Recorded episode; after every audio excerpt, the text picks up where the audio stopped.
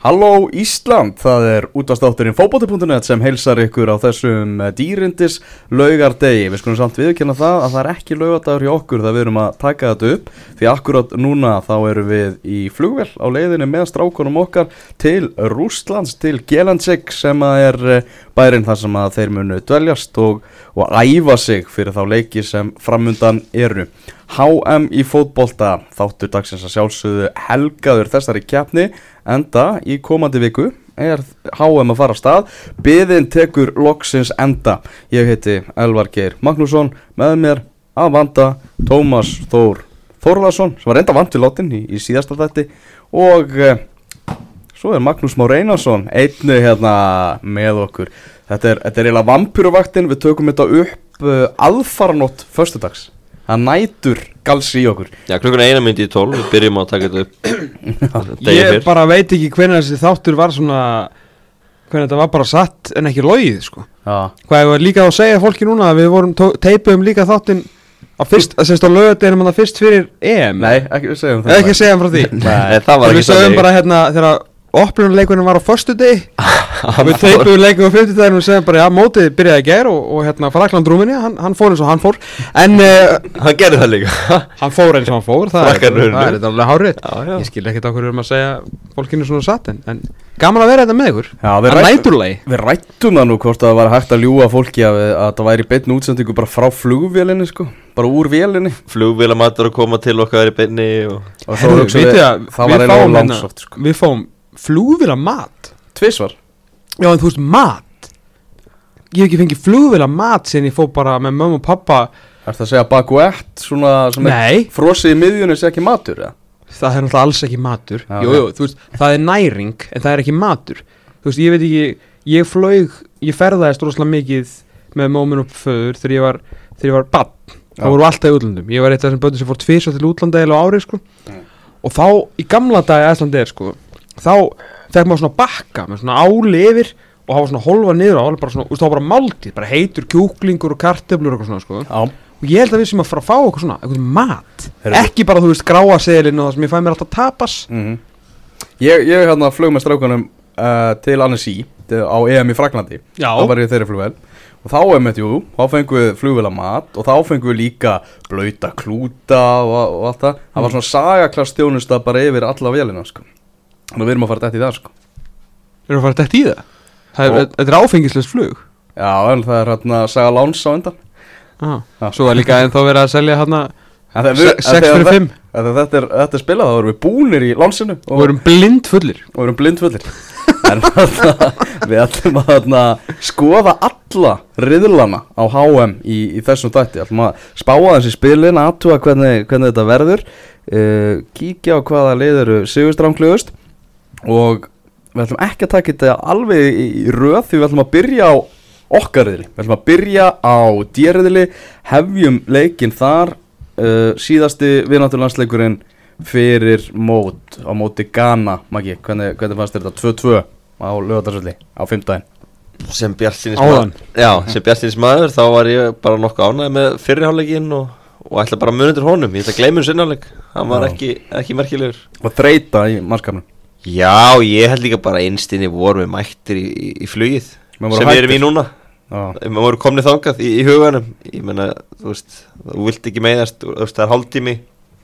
Eftir að leikum svo það verið flugvel til Rúslands og þá, þú veist, einhvern veginn fórum við svona líka bara kannski ósvært að hlífa sér. Hmm. Og, og bara framist að núslu eftir því, veist, það var ekki eins og að væri allt undir þannig, að maður sá það alveg hjá, hjá leifmönnum, að maður voru ekki sem ekki og, og, og í kemnisleikunum Já, bara en mér er svo leiðilegt að við höfum ekki náða að landa allavega sigri bara þrátt fyrir hann hafi verið hefði orðið tæpur eða eitthvað. Bara svona upp á stemmingun aðeins í leikslokk bye bye, við erum farnir í flugvelina Já, sko, hérna, þó þetta sé er mikið rétt í því sem að, sem að hérna, Maggi segir að, að sjálfsög og menn voru svona líka alveg að viðkjanna í mixona þannig að, að það er erfitt að halda haus í, í svona leik og það var líka bara erfitt kannski að ætlast til þess. En, en það er kannski pínulítil einföldun á því sem að gera síðast eða hérna hálftíman í þessu leik þar sem við vorum bara alls ekki góðir. Uh, á meðan að ník, eh, níkiriska, meðan að hérna Ghana. Gan, uh, ganverska Ganverjanir ganverjarnir okkar. Mm. á meðan að þeir voru að að styrkja sig með skiptingunum í þessu leik hörku lið þá hérna fór náttúrulega ansi mikið úr okkar leik þegar við byrjum að, byrjum að skipta og hérna náttúrulega sérstaklega með Gilvo Þór sem var magnaður í fyrirháleik, bara gjössalega magnaður og ekki bara aðeins hljóp meðst og laði allt upp og gaf alla sendingarnar og var bara bestur í heimi að, að þá var hann líka að stýra svo vel inn á miðinu og það sem okkur hefur vantað svakalega í, í fjárfyrir Arons Einars er að hérna að hann talar miklu meira heldur en allir á miðinu og stýrir liðinu svo svakalega vel sem að gerir eh, hlaup annara stittri og þar alveg fer hann ekki sama orkan í þetta því að Birkir og, Mm. og Emil er rosalega góður í fótbolta kunna leikin upp á tíu en samskipti þeirra eru kannski ekki upp á tíu þannig að þegar Gilvi fyrir að velli og við förum að hérna, gera skiptingar að þá fara uh, ganverðarnir að ít okkur aftar og aftar og aftar og aftar sem var ekki bara það að við vorum eitthvað að hoppa upp á tæklingum þeir bara tóku yfir leikin Mm. og þarna, þarna og voru við heldum ekki bolta eins og þeir gilur e, verið Emmitt, það er náttúrulega máli Þetta var svolítið leikminstri sem við sáum á, á EM uh, eins og móti, hérna, sérstaklega móti Austuríki Já. ég, ég var, það vill bara þannig til að því að ég var að búti gif með Kára um daginn þegar það var gaman að halda með vikingi að hérna að ég fann sér satt svona myndbútin úr uh, Man of the Match myndbandinu hans, hann var maður leiksins á móti Austuríki UEFA Man of the Match á Já. móti Austuríki á EM og ég var að horfa á þetta myndband að, og, og bara uh, fórninnar, góð fórnjón uh, hjá honum í, í þessum leik þar sem að var að kasta sig bara fyrir boltana. Já. þetta er alltaf bara bilun. Hann hefði getað skorað þrjú sjálfsmörk. Og ég er að meina sko boltin hefði getað farið af honum og í skeitin inn í stæðin fyrir yfir fattur þú veist við Mm. vorum svo mikið að, að ræta lukkuna líka af því að við, að því við fórum svo aftalega en það náttúrulega bara gekk allt upp að því að Maggi og Kæliðspánsarnir sko voru bara þeir voru þarna bara fyrir allan seðilin en við get, ég, þú veist að ég bara trúi því ekki að við getum gert þetta í þrjus svona 90 mínútur í viðbót. Og þess vegna þýðir þú veist þetta leikminnstu mun ekki ganga á, á HM það sem við gerðum í 60 mínútur í þessum leik fá frábært. Og í talningum ef við fáum Aron Einarinn inn og, og losum aðeins meiri press á kíló þannig að hann fara að vera, veist, njóta sín ennþá meira þá erum við í toppmálum. En Mm. síðasti, síðustu 30 mínútur í þessum leik voru bara alls, alls ekki góðar. Nei. við erum mjög að ræða þetta svo sem uh, helling en erum við ekki að tippa á 4-5-1 á móti Argentínu og 4-4-2 á móti Nýgri Já, mér finnst alltaf, það er engin tilvíðun að það færi 4-4-2 á móti Ghana? í þessu leik. Uh, það er líka hérna uh, ég hitti hérna, strákana í, í hérna með talstöðuna, labra strákana uh, breiðhildingana Frey og, og Davíð eftir leik Mm. og var hans við þá og hérna og sögðu mig það að það er meðal annars uh, já, gekk flest allt upp sem þeir lögðu upp með í, í sérstaklega í fyrirháleiknum að því að náttúrulega Björn Bergmann sko Björn Bergmann Sigurðarsson uh, hvað var að segja, leit eða jafnvel út og Rúrik Gíslason fattur á móti Nóri því að, veist, það sem var sett upp fyrir hann virkaði bara 100% Þú veist, hann þurfti aldrei að fara í aldrei fyrir ekki hann þurfti sjaldan að fara í skalla envíi til að flikka boltanum á Alfreð Já. skilur það var bara alltaf þeir þetta var bara vel uppsettur leikur af því að við erum alltaf mjög taktist lið með frábæra skáta og frábæra þjálfara og bara frábæra leikreifndur þannig að, að, hérna, að Björn Bergmann fekk bara hýfa sig upp á auður svæði og náttúrulega bara nikkaði boltanum lista vel á mennsku þannig að uh, ég held að með Ghana og Nigeria svona, mjög svipu lið þannig þannig að ég get ekki trúa öðru en, að, en það verður fjóri fyrir tveir og þeir munu svona aftur finna þessi pláss til að hvað sem að vera Jónda eða Björn Bergmann og svona að vinna, vinna í þessu plássi og, og vinna boltan fyrir okkur Já, og meðan á móti Argentínu þá, þá er 4-5-1 og, og þú veist, Já. að hafa Gilv og Aron báða nýkonum tilbaka tvo saman á miðjum á móti Argentínu það væri þungt Það væri svo sannarlega þungt. Ég, hérna, Þetta verður eitthvað svona já, fjóri fyrir einn, einn, fjóri fimm einn, hvernig sem að menn vilja Já, túlka það. já, já. Við, verjumst, fyrir við verjumst á fjóra. Gylfi fyrir. Já. Ari Freyr Skúlason, hann var að spila slatta þarna, var hann að setja eitthvað pressu á Hörbjörgun? Nei, Nei jú, pre, veist, við verðum að trúa því að Arfinn Skúlason sem að var nú í byrjunleginu öllum leikjum í EM síðan að setja pressu á menn.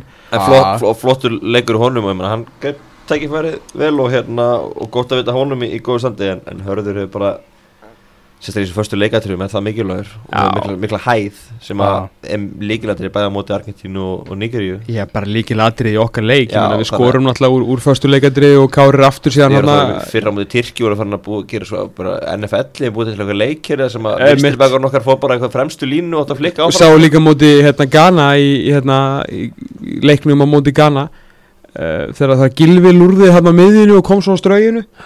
Vist, ég, það er ekki séns að það var eitthvað óvænt. Með eitthvað akkur þetta gilvi að vera út á miðjum en það var bara tekniborðinu þannig að það eru alls konar svona, svona fýblir í gangi þegar kemur að, að, þessu fyrstu leikadröfum og við viljum vera sterkir þar. Það, er, sem, veist, það er aspekt af leiknum eins og uh, eins og maður mann eftir ræðu hérna, Freys Alessanderssonar fyrir, fyrir hérna, EM Kvenna að við vitum að við erum með langt frá því að vera með tekniskasta lið og kvennalansli og kallalansli er mjög svipað þegar kemur á þessu á alþjóða vettvangi Eh, við, við getum verið skiluru strákunar okkar geta verið duglegastir þeir geta verið harðastir þeir geta verið með stærsta hjarta og þeir geta verið bestir í föstum leikandum sko. Þar þarftu bara hæð og vilja sko. Mm. En það, þegar Kári að fara að taka innkast hérna Arn alltaf var ekki með mm. Það var svolítið komist að því að veist, það er alltaf hend á Kára. Að mjög fyrir Já, og svo var hann alltaf að taka innkast sjálfur það var svolítið, svolítið flækt þetta svolítið. En Já. hann getur kastað vel. Já, náttúrulega vikingi, það er hvernig alltaf að kasta úr vikingi, náttúrulega handbólta stórveldi. Já, maður þetta kannski bara að það væri betra að vera eitthvað annars sem getur kastað þannig að Kári getur flikað. Já. Já, náttúrulega hörður er náttúrulega líka mjög öflugur a- að grýta Alltaf bóltanum það ekki Uh, Hólmar Örn Eyjólfsson spilaði hægri bakverð og fengum við ekki bara svara við því þarna. Hver er uh, vara hægri bakverður? er það, ég fengi við svar við því, Er það ekki? Va, stóð hans ekki bara það fínt að hafi búið bú að reyna hvern á fætur öðrum? Uh, Samuel Kári að mínum til fjall á prófinu þegar hann gerði þetta í bandaríkjunum. Samt var hann valinn í, í hópin Heimir talaði um það að eina af ástæðunum fyrir því að Hólmar Örn Eyjólfsson vann samkeppninu það að komast í þennan hóp mm. var að þeir töldu að hann geti leist þessa stuð Sagði hann það? Já. Ok, þá, að, það, það, að það veri einn af þáttunum. Já, fyrir ekki það fæði við algjörlega fram á mig. Það, Þá skil ég nú bara þetta val. Og þeir eru ekkert fann að notuðu Rúrik ekkert. Það er náttúrulega bara búið, sko. Já, en Þa, þú veist, Það var aldrei Þar segja Rúrik sem hægri bakverður Já, Já, hann er ekki búinn. Rúrik sem hæri bakur Nei, er ekki sé nei. búið í bili. Þá, þá er þetta í rauninu Hólmar. Já, ég, sko Hólmar Neyjarsson leit mjög vel út á meðan liði leit vel út Við verðum bara að tala um svolítið hlutin eins og þeir eru og náttúrulega ekki, ekki vera verra að fá enn meiri hæð inn á, á tegin, báða tegana. Mm. Þú veist, með Hólmar Neyjarsson hann í, í förstu leikaturum, mjög flott en hann var ekkit sérstakur þegar þeir lágu á okkur. Og gleymum því ekki að við verðum Mm. eh, öruglega svolítið mikið tilbaka bæða mútið vörn. og Króti við ver- gætum lendi, lendi í því að verja svolítið. Er ég- ég var- Hann er ekkert að slá út Birki Nei. En, en, þú en hann muni leysa þetta frekar heldur en Samúl Kári jú, ég held að sé rétt hjá okkur. En er vindurinn ekki fara að taka bara allar mínútur og allir þessir? Jú, svo var það, við erum bara að fylla mínútur hérna sko. Ég, Ég ég veist þetta að það sé Birki Már klárar þetta sko. Já, ég, ég held að þau eru líka úst, mikið ganga á til að hann spila ekki sko, Hann var tæpur fyrir leikinn í Já, en, hann er alltaf spilað leikið þetta var Argentína. já, Þannig ég hef ekki rákað því. Getur við svo að fundið eitthvað áhugjupunkta Maggi, þú ert náttúrulega jákvæðastur í heimi Það kemur að landsliðinu og sérstaklega á stórmótum. Já, En í aðdraðanda, þú veist, þessa móts Við erum að fá talsast mikið að mörgum á okkur Í þessum vinnáttuleikjum fyrir, fyrir mótin. Hann skora? Já, Já, ég sko við erum ekki að vinna samt. Já, ég, Nei. ég meina Þessi vinnáttuleikir rosalega þreytt tugga, þetta er bara ekki það sama. Ísland tapaði fyrir Nóri í aðdraðanda EM 3-2, það var norsk, norsk landslið heldur en það er núna já, en, en maður ætlaði svona að mæta þetta og segja bara, þú veist, já, 3-2 svo fóru við unnum Ghana 2-0 og þetta er bara sama dæmi, þú veist, bara bring on Argentina það verður Já, já. 1-1, Birki skora eftir sendingu frá Jóa og, Já, já, og svo endur við áttalúslu grænjum og hlátur, sko. En, en England, 16. Nei, er uh, sko með Gilva, ok, hann er að koma tilbaka og hann er búinn að fá núna, hvað? Tæpan leik, Já, 30 pluss 67 hann fekk 30 fyrir leiknum. Já, ok, en rúman leik, flott Aron Einar verður bara nánar sight on scene í langan tíma þegar hann kemur tilbaka. Þú veist, hversu mikið geta þær tjakka þetta lið upp í að spila eins og við spiluðu fyrstu 60 minnir, svona 55 minnir þessum leik? Náum við upp í 70 náum við upp í 80 hversu mikið munum við þurfa að verjast bara á teik eins og í einhverjum handbóltaleik þetta eru spurningar sem að hérna, við þurfum að fá svöruð bara náttúrulega mjög snemma í mótinu en ég er svona Við erum ekki að fara að keira upp tempo á mútið Argentínu Það verður tekinn góðu tími í löngu Já, já, já, Það verður ekki- alveg ekki spurning sko Þú veist, þú getur alveg smeltaði mynd í stúkunum svona á milli atriða sko maður, alltaf, Nægu maður, tími maður verður bara að vona hérna, maður hefur svo sem alveg trúa í þú veist, þessi halvi metri sem að, var mikið talað um á móti Norei þegar einhvern veginn öllum með vorunum tókst að vera að minnstakosti einu sinni þessu halvu sekundu broti of seinir og just, að þessu sinni skilaði að Noregi þremur mörgum sko. Skilur Noregu skora vanlega þrjú mörg í svona átta leikjum. Þú veist, þeir, eru það slappir sko. En þú veist, það gekk veginn allt upp með þeim. Ma, maður getur svolítið lítið annað en bara vona Ma, þetta er samt meirinn von af því að við höfum séð þetta svo ofta áður. Að þegar að allt er undir og leikinnir heiti eitthvað stórt við talum ekki um þegar það er búið að tússa á treyjarnar eitthvað World Cup þú veist, Group D Argentina. Æsland eitthvað, þú veist, hérna Moskó, þú veist, 16. júni sko, Mm. þegar menn er að spekla sig með þetta og setja gilið í með veist, þetta fyrir fram að sig, þá, þá er þetta bara allt annað fótballtalið sko. Ég meinti leikur sem allir að byggja eftir sín í desember. Það er ekki flóknar en það. Argentínum er ekki búin að Sér byggja að fullveldistæðin, Já. þegar það var dreigð Já, Argentínum er ekki búin að vera að býða jafn spendi Þeir eru svona meira að horfa ekki aðeins lengra fram í mótið. Þetta eru ekki leikur sem er svona kveikja beint í þeim. Nei, Þannig að ég er hérna áfram, bjassinn Ég held að hérna, þetta verði bara Þetta er allt annað þegar liðið kemur í, í mót og, og veist, það er ekki hægt að bera það saman. Nei, ég, ég hef alltaf sagt um þetta, alltaf, mjög langan tíma sagt um þetta lið, að þar til að hérna, þar til að þeir gera eitthvað annað en það sem þeir hafa verið að gera veist, þeir, þeir í alvörunni valdi einhverjum vombriðum eða tap einhverjum leik stórt á móti í, veist, í alvöru leik e- eða þeir gera eitthvað annað en það sem við erum búin að sjá þá gera alveg trekk í trekk í trekk. Ég er búin að fara einhver þrjú viðtölu í vikunni eh, hérna við elenda fjörmjöla, Útlönd. Útlönd. Þeir eru svolítið að ringja, senda pósta. Já, ég byrja, nú er ég byrjað að vera rosa Þú veist, þeir eru að senda Alltaf, alltaf, hérna uh, Can I send you several questions about the Icelandic team? Bara, nei, ef þú vilt við tala á ringir Það ég get alveg talað, sko. Ég, ég nenni ekki lengur að skrifa, sko. Allavega, það er alltaf uh, þrý, Allir þrýr görðin spurðu saman núna. Getur, þú veist, eh, hérna Eru þið búinir að sanna, veist, er íslenska liði búið að sanna að þetta var ekki einhver lukka á EM? Býtu spyrur ekki hvort að heimi verið tannlæknir út í fótballhaldinar Ótrúlega þess að enginn af þeim. Nei, ok. Ég var í sjokki. Og hérna Þú veist, er þið búin að sanna að þetta var ekki lukka Mér finnst náttúrulega frekar stúpid spurning ég, náttúrulega, Þetta vilja bara fá svarið Maður ber náttúrulega verðingu fyrir það sem þetta eru kollega manns og maður er oft þurft að spurja fullt af mönnum heimskulega spurninga til að fá þau svör sem maður vill fá. En continuityð og endurtekningarnar eru bara svo rosalega miklar sko. Þeir eru búin að vera að spila vel á mótiðin bestu og vinna þá bestu síðan bara í hvað?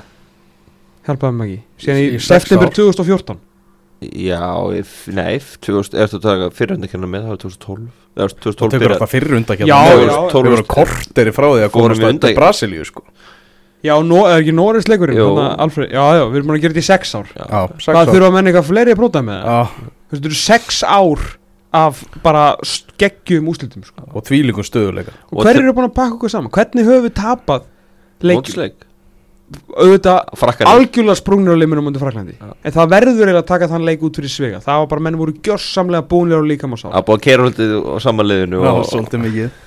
Ég held að bara sálatetri í mönnum hafi verið jafnvel í verra standi heldur en Nei, og svo má ekki kleima einu. Jóndaði fær færi 0-0 Who knows Skilur þú, frakkaði allt unnið Já, búin meina- Frakklandi? Já, Já, nú erum við konin svolítið, svolítið langt yfir, yfir brautina. Fö- Förum í, í anstæðingu okkar í þessum riðli. Förum í, skoðum það svolítið snart. Byrjum bara aðeins á, á Argentínu mönnum Það þarf ekki að ræða um Lionel Messi. Hann er bara góður. Allt snýst um Lionel Messi náttúrulega í þessu liði. Uh, Bara samherjar hans Þeir eiga að hugsa Við viljum vinna þetta mót fyrir Messi. Bara til þess að hann verði Bara svona stimplaður sem besti fótboltamaður Sögunar Þeir eru búin að vera í vandræðum Með varnarleikin á sér Meðal annars, Maggi. Þeir hafa svona Þeir hafa ekki verið að finna réttu blönduna Og svona búið að vera mikla róteringar í, í vördunni það Já, og, og svo er alltaf markmannstæðan líka Þú veist, maður er alltaf aldrei að fagna eitthvað meðist En það að segja ekki Romero sé ekki í Argentínu Já. Er mjög slæmt fyrir Argentínu. Mm -hmm. Því að e, næstu markmenn aftur honum er ekki næstu góður Sergio Romero hefur verið hana Þeirra aðalmaður í markinu og, og er góð markur En hérna, nú er það spurning hvort að Francesco Armar í eða Willi Caballero verði í markinu á móti Íslandi. Uh, Svona skipta skoðan á því. Ég jafnvel að því að Caballero verði með, Svona veist kollega minni í Argentínu verið að tala svolítið um það. Mm. Hann lit ekki vel út til þess að við náttúrulega mútið spán í sexetapi í mars. Lit alveg skelvel út.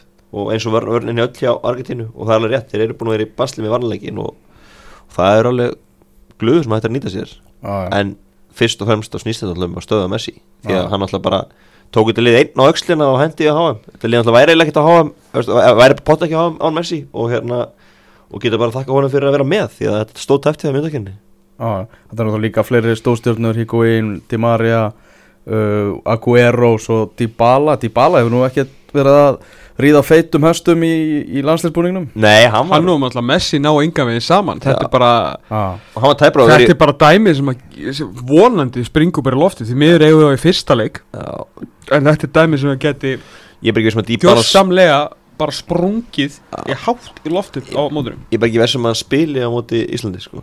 Hann var tæpur að vera í hópnum sko. Og það er einmitt út af því sko. Pálu Dybala er alveg á því að hann hefur liðin ekki með sko, en já. það virkar ekki alveg bara stundum heill þetta er, þetta er mjög sérstætt Þetta er mjög furðulegt argentinslið Því að eins og segja, varnarleikurinn er ekkert eru að Vili Caballero, ok Federico Fazio, þú veist, jú, jú flottu miður hjá Róma sáum hvernig hann var líka samt í í Premier League, svo, þú veist, Marcos Rocco og svona gæjar, Nikolas Sondamendi þetta er frábært tímbil uh, Mascherano á miðinni, voru þreytur þú veist, já, hann er ekki miðverði bara núna. Já. ég, sko málið er að, að þeir eru með, þú veist, allt sem geggja þeir allt sem argentist er í þessu argentinska liði er í framlínunni. Já. en þú veist það var það samt að tengja á milli sko. þannig ég mér finnst það brotnir þetta argentinska lið eins brotnir og Argentina verður veist, þetta er ekkert eitthvað superpower í dag þú veist að vera 5. besta liðið ja, 5. 7. besta liðið í Suður Ameríku það segir samt helling sko þetta er yfirbúra langt besta keppnin undankeppnin svona pund fyrir pund sko. En, en, en, þe- en þetta argentísku liði miða við bara argentísku liði í, í fortíðinni þá er þetta ekki endilega á sama stalli Nei, alls ekki. Og það eru góða fyrirtinar það, það eru mjög góða fréttir Mm. ég meina hvað þeir, þeir voru nú ekkert eitthvað að trilla liðin hérna fyrir fjórum árum sko Fó, Já, fóru svona djúslit já en, en bara á varnarleik sko svo skoruðu bara eitt mark og, og letið það döga Já, þannig að það var ekki eins og þeir lágu eitthvað á anstæðingunum nei Erum förum yfir í, í, í níkaríska liðið. Er það bara svona copy-paste af því sem við sáum á móti Ghana? já ég held að ég hérna sko það, það sem er gert það sem er í, í svona Afríku það, það, í svona Afríkulegu það sem maður hefur séð ekki um tíðina er að þegar að dettur ykkur svona þjálfari inn á að ná til þeirra. Ég er svona líkt þessu við hérna, Dangerous Minds myndina að þegar Missile Pfeiffer náði að fá hann aðalgurinn til að taka blíjant og bók en ekki setja headphone á sig sko þá gera slutinir Ghana, þú veist, 2010 og, svona, og fleiri lið sem hafa gert ákveðið sluti ný, veist, flottustu lið nýgur á, hérna, tíundu ára og síðust aldar. Uh, ég held að uh, nýgeriska liðið er bara ekki þar. Þú veist, þetta er svona, þau voru ekki ekkert sérstakir á móti Englandi. Þú veist, þeir eru, þeir eru opnið tilbaka þeir eru, það er svo ótrúlega margir staðir sem ég held að vel skipulagt lið eins og Ísland geti meitt á. Ég, ég er mjög bjart sín fyrir nýgeriuleikin Já, þú veist, ég held að við að- að að drepa þá í förstum leikadröðum Já, ég held að það getur verið svolítið luftbrúinu þar. Já, uh, ég held að þetta verði mjög svipað upplegg, þú veist að reyna að við eftir að fá svæði fyrir framverðan okkar til að, að hérna, vinna hálóft á boltana, ég held að gilvi eftir að finna sér fulltablós, ég held að það verði bara mjög svolítið svipað leikur og, og gana, þetta er, þetta er ungt nýgirislið, það er svona, svona endur nýjun í gangi. Og, og með þess að sko reyndari leikmenn oft í þessum Afrikulegum er ekkit eitthvað þeir taktískust í bransanum sko. Já, og ef það er eitthvað sem við erum þá er það skipulaður og, og já taktískir sko. En síðan þýðir ekkert að gera eins og við gerum í, í dag. Þessi gæði geta hlaupið þar til á morgun sko. Já, þeir geta hlaupið í 2.90 ekki Já, já. 2.45 þannig að þeir geta alveg þreytt okkur og, og sett okkur niður á teig og svo er þetta náttúrulega einstaklingsgæði í þessum, í þessum liðum. En, en þetta er lið sem ég held að ætti að á einhvern furðulegan hátt henda okkur mjög vel sko. já brasaði í markinu Það er mikið brásaða með markinu. Já, Þeir veit ekki hver er að fara að byrja hjá þeim eins og nei, nákvæmlega og, og hérna og, og veist, varnarleikurinn er spurningamerkir að vera að prófa þryggja manna vörn og fjóra manna vörn og, og förstu leikættin það eru fullt að tækifærum þar. Þannig að er held ég fullt að tækifærum eins og Tom segir á móti þessu liði og hérna ja. málið er að, að, að nöfn hræða mig ekki þegar kemur í íslenska landsliðinu. Nei, þú veist, þegar maður horfir á framherjarsveitinu Ahmed Musa, þú veist, gæði sem eru að skora í Champions League. Þú veist, Odionu Galo, þú veist, fyrir hann til næstu í markarhóku Premier League, allan, þú veist, markarhóku fyrir áramót einhvern veginn, mm. þú veist, Victor Moses uh, sem er enda bakverður í dag Kelechi Iheanacho, þú veist, náttúrulega fullt af hæfileikum en hann er einhvern veginn aldrei að svona virkilega henda það fram og svo Alex Iwobi sem er kannski svipað, þetta er ótrúlega miklu hæfileikar Já, já. en þessi nöfn per se hræða ekki varnalínun okkar og þau náttúrulega sérstaklega þegar ekki veit ekki hverjir eru mm. uh, og, og þú veist, ég ræða ekki taktiska Ísland sko.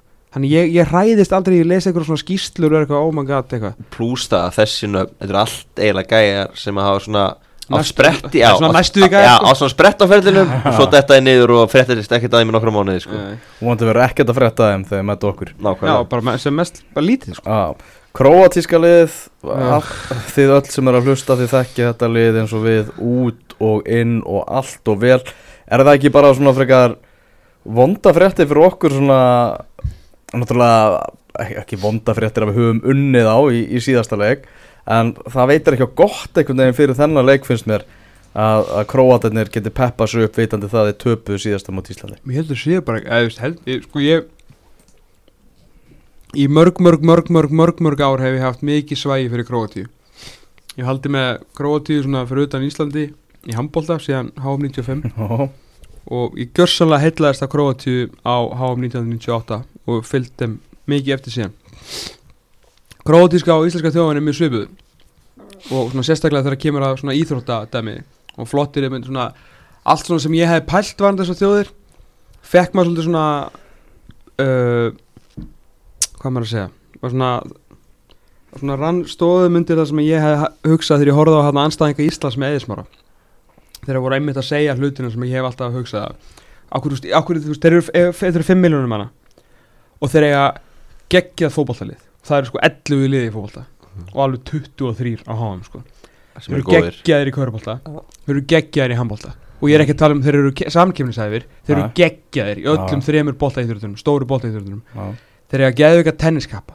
Þú veist þeir eru að bara geðvika þú veist einstaklis íþjóðumenn skíðamenn skíðamenn guðminn almáttur þú veist Ja. þeir eru að þeir eru að mik þeir eru í raun og veru ef að Íslendingar væru 5 miljónir þá ættu við þetta allt líka.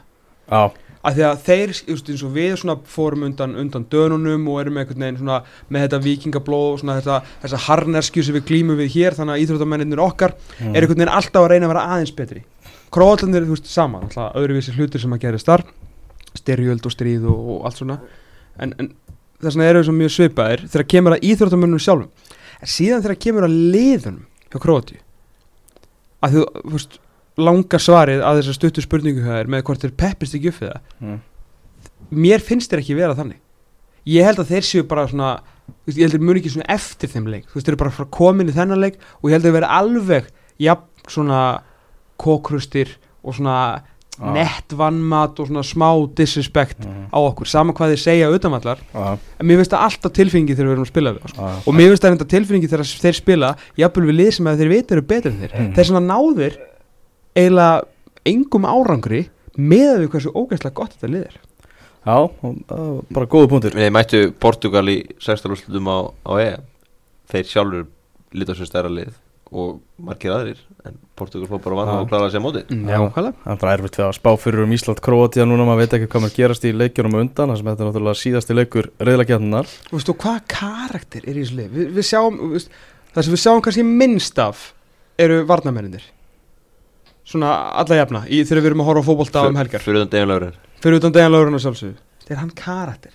Nú er þú Nei. sérfræðingur í liðupum Já, hann er, hann er líka rosalega dölur að koma alltaf í viðtöl og segja "Við rústum þessum leik og þá fyrir allt í steik þannig að vonandi, vonandi kemur hann með svona yfirlýsingar fyrir leikin sko. Já, Þú veist, þetta svona þetta Ég ætla að stoppa þú veist, þennan og þennan. Þá ég vil skora sá okkur þrennu sko. þannig að vonandi hérna heldur áfram Þú veist, ég er ekkert að spá því að við erum eitthvað endilega að fara að vinna eða eitthvað þannig. Ég er bara að segja að, hérna sem, en í s- karakter skil hvað það var, ég meina sem miðjur úslega hæfileikarík en, en þú veist Já, ég veit en, það, en, en, en það er bara að, þegar kemur að mattsan í baróttu og annað eins, þá Já. erum við alltaf ofan á Einmitt, já. og bara fleiri lið, sko Erum við ekki svolítið að auka bjart sínuna hérna í, í hlustöldu? Það er það sem við erum að gera Já, já. Við erum við erum svolítið að, að Við erum svolítið að einblýna svolítið á veikleikana í liðanum sem við erum að mæta Já, uh, Það veit allir Já, hafið þið heyrt um Luka Modric? Já, hann er búin að vinna Champions League þrjú ári röð. En Rakitic? Hann vann, hérna, þið töpu einum leik í La Liga. Já. Ivan Perisic er verið að kæfti kannski á 70 miljónur eða eitthvað í sumar. Kovacic, hann var líka með mótið sér liða, það ekki? Jó, hann er að það líka. Já. Marcelo Brozovic Sko, Marcelo Brozovic er samt eiginlega alltaf bestur á mót okkur, sko. Já, Ég hef, höfum við einhvern veginn lendi ykkur leikar sem að Luka Modric eða Rakic sem voru eitthvað þannig að pakka okkur saman? Nei, mótið er Þú veist, Andri Kramaric frammi, þú veist, og Mario Mandzukic, Kalinic Geðveikt lið. Þú veist, ótrúlega hefur ekki En þeir eru þú veist, Við veitum alveg hvernig við erum að spila á móti þeim, sko. Já, Þú veist, á móti Króatíu verður þetta bara a- að náð inn þessu, þessu marki bara halda hreinu og ná inn þessu marki þú veist hvort það verður 1-0, 1-1 eitthvað þannig. En þeir eru já þeir eru Króatía Þannig að dýrriðlinn Bara gerum þetta upp. Hvaða lið vinnur hennar riðil? Hvaða lið fylgir þeim? Ísland vinnur uh, Nei. Nú, Ég spáði þeim persónulega að það spáði Íslandi þriðasæti í riðlunum og ég öðru Alltaf eru heim? Ég ætti ekki heim. Ég, Nú ætlaðu að vera áfram með En ég spáði Ég- ég ég spáði vona- öðru sko. Ég vona að við vinnum HM sko. Þú vonar að vinna hann Já, Ég vil það, ég held að ég verið glaðið þá. Ég spái þráttur allt sem ég sagði um hérna Króatíu Að það er rétt hjá að var einblinn á ne hérna, neikvæðapunktuna að að, hérna, ég spái Króatíu fyrsta sæti í þessu vili Ok. Íslandi öðru sæti í þessu vili og Argentína fyrir heimi nýgur Já, ég, þá eru allir Senur sko, Þá það var- verða senur á loka degi Þá eru allir mismunandi. Argentina vinnur með sjö stig Íslandi öðru með fimm. Svo koma Króti og Níkri þar áttir Já, ef við ekki að skila Ah, ein, einni spá til að við getum fengið 16 úrslit í, í lokin. Hver vil taka á sig Já, að, að, meinar. að eiga spána í, í þessu Mér líst liði? vel- mér líst vel á- Magnús lendur okkur í áttalúsitt á EM, hann má eiga þetta.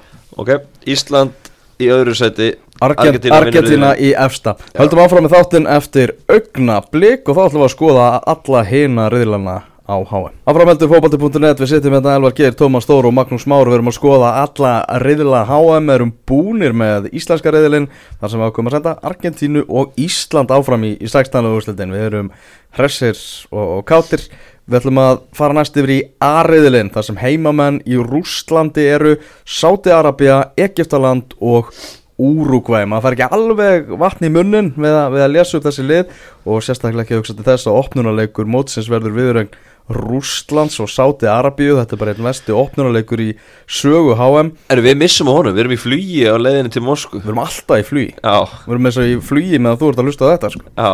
Uh, Rústland uh, lélegasta liðið á HM samkvæmt FIFA styrkleikalistan Gæskjafanir Gestgjafarnir. Fengu bara frípassa mótið og, og hérna Þeir eru ekki líklega til Afrika Það gekk ekkert upp hjá þeim, þú veist, þeir eru búin að vera í nokkur ár eru þeir nánast búin að vera að bjóða út leikmenn uh, og veist, borga launið þeirra hjá liðum. Svona hefur maður heyrt í hinnum og þessum uh, hlaðvörpum í gegnum tíðina og lesi greinarum því að þeir uh, sko þeir, þeir verðum svo ógeðslega óspennandi lið. Að það er búið að vera svaka mál hjá þeim að reyna að búa til stjörnu til að geta selt þetta mót. Já, það kemur ekkert nýtt hjá þeim Ígor Agenfæfi sem var úrslega góður CMN 0102 mm. vinnur aldrei í mestaröldinni hann er ennþá í markinu já, já. Júri Sirkov, hann er ennþá hann í vörninni þetta er alltaf eitthvað sama það er bara ótrúlega Andri Arsafins ekki ennþá að spila sko. hver, er, hver er á plaggutunum hjá Rúslandi hver er, hvernig reyna þeir að, að selja sem stjórnuleik Er það ekki, hérna Sko þetta er bara risast og spurning sko. Alan, Zagoev, þú veist, það var gæði, Já. það var gæði sem var svona 2014, 15 og 16 eða svona 2014, 15 voru þeir mikið að reyna að pimpa hann eitthvað út, sko. Já, Dennis Sirius er líka.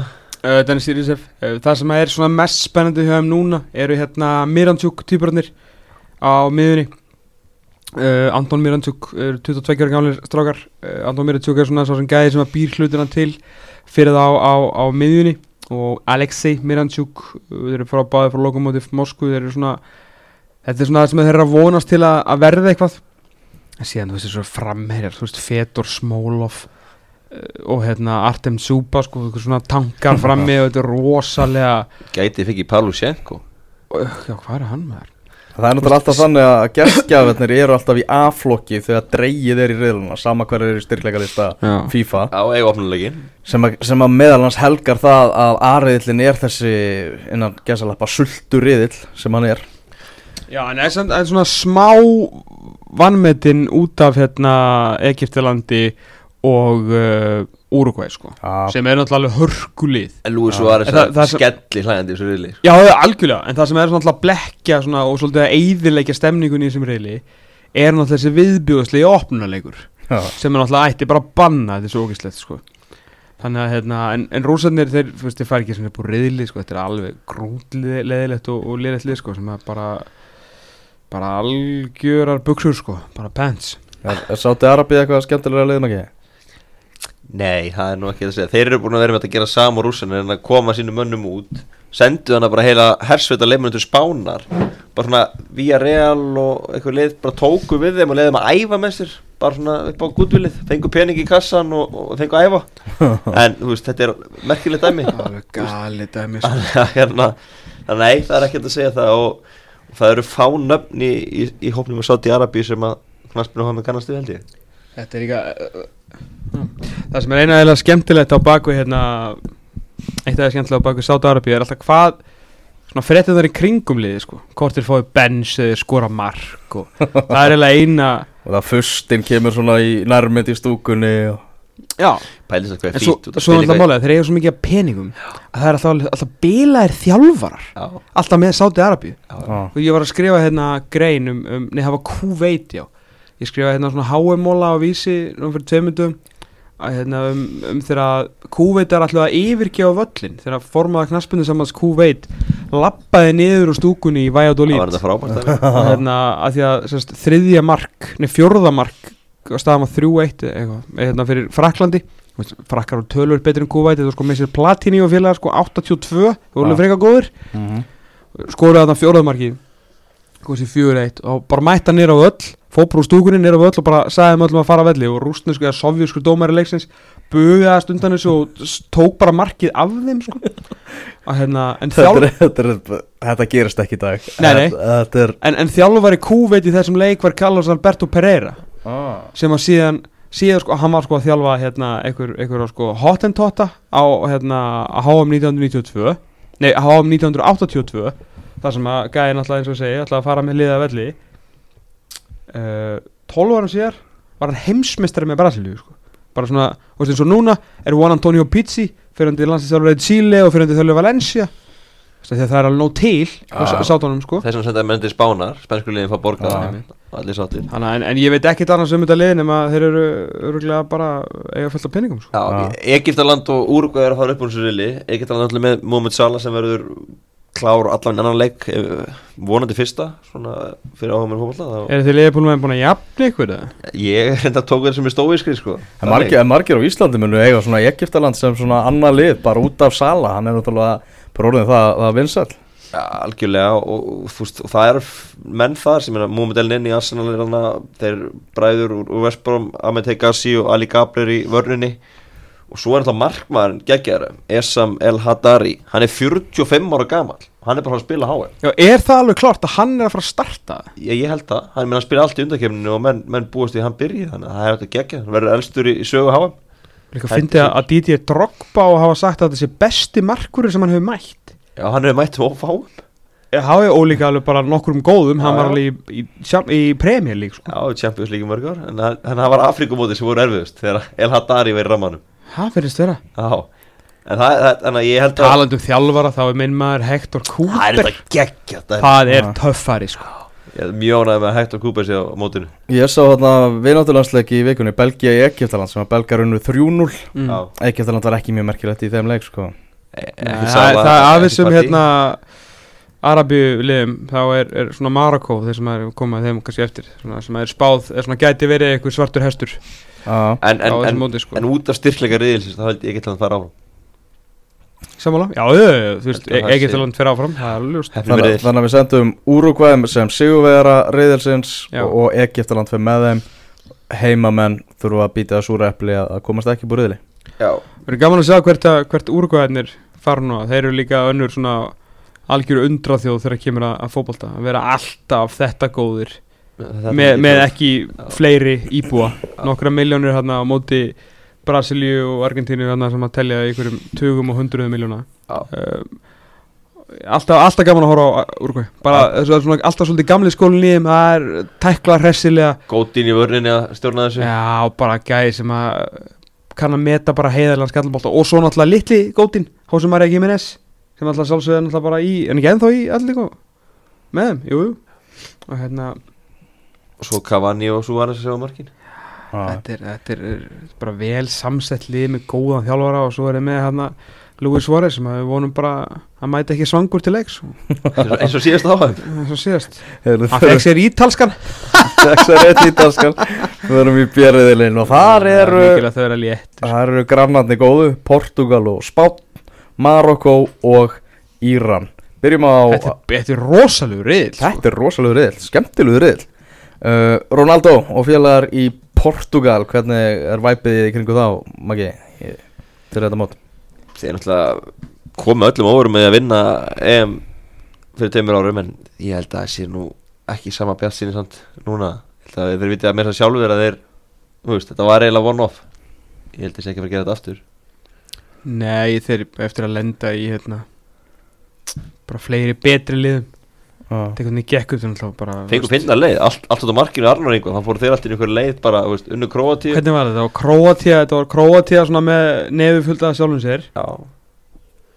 Svo voru það þetta náttúrulega Vales í, í undanúsildum Já, og hvað var í áttalega, mannstu það? man ekki hvað er áttalega nei. En það var eitthvað svona, þú veist, þeir sluppu Pólandi? Nei, þeir sluppu við frakkan alveg, skilur þeir fóru svona ekki til að gera lítið úr þeim, við gerðu þetta vel en svona, En Arnór Yngvi hleypti þeim skemmtilega leið Já, Já. var allt því markið þakka þeir eru sko, Portugalar voru alveg ánæri með hann heldur við að fá englandsleikin sko. þeir gera jættefli öllum leikunum í riðlunum Jættefli móti Króatíu eftir 90 minnur í sextálega Mhm. Þetta var alveg fárlega dæmi að þeir fóru sér allar leið og klára þetta Úrslutaleiknum vinnaði líki framlíkingu Þegar strákarnir okkar voru nú eitthvað svona mátulega sattir að vera komin í áttalega úslit hvernig heldur þið að Veils hafi verið í undan úslitum þannig að Heyrðu, förum í, í Spánverjana sem eru náttúrulega með sturlaðan hóp og það þarf ekki annað heldur en að skoða bara hvaða menn úr, úr spænska hópnum komust ekki í hópin sem að, sem að fer hann á HM Maki, þú hefur alltaf verið svona Spánverji á stórmótum. Já, alltaf mikið svoðið fyrir spánverum og hérna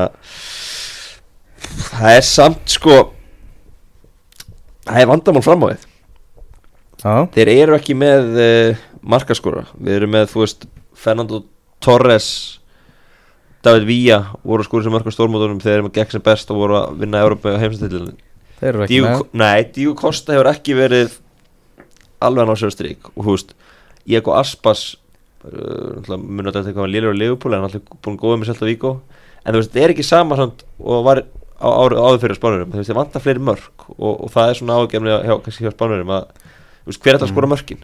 Já, og hérna og svo ertu, þú veist, minna, í nýjasta uh, hversi komin aðeins yfir besta aldur, veist, hann er góður en þá en Mm. veist, hann er á leiðinni núna til Japan og yfir hæðina, þannig að veist, það er uh, Spansfannslið er kannski ekki alveg saman stáða var þannig að 2008 til 2012 þeir eru þessum titluminn en hérna þeir, eru, þeir eru með gómsætan David Silva sem er að koma úr algjörlega, tók hann alltaf dífu eftir, eftir, eftir þessa titla á sín tíma og þú veist, það fylgta góða leimannum ég meina, í vörnesti með Ramos og Pique og þú veist, með David Gea í markinu og, og þú veist, Puskas er á miðjunni og David Silverana og þú veist, það er fullt af góða leimannum en, en það er svona, já, markaskorun ég er smá ágjörð því hvort, hvernig, hver á ræði mörkunum og, og svo hérna mögulega kannski miðjan hefur, hefur ekkert með verið sterkari, Savi er búinn og, og Iniesta er svona farin að þreytast. Mhm. Marokko er einnig í þessum riðli. Uh, Þeir vilja halda HM 2026 er að, er að leggja allt kapp á það. En uh, er Marokko, er, er, er þeir eitthvað að fara að veita eitthvað samkjöfni eða? Já, það, það er svona lið sem að hérna, gárungarnir tala um að geti komið bara verulega óvart. Uh, það er rosalega flott svona hérna setup í, í Marokko. Það er rosalega mikill metnaður fyrir hérna uh, fyrir fótbolta og náttúrulega og ná langt. Menn, þetta er náttúrulega lið sem að uh, á í gær kom í ljós hvort að þeir halda HM eða ekki. Það fór svo það fór. Það fór og það fór.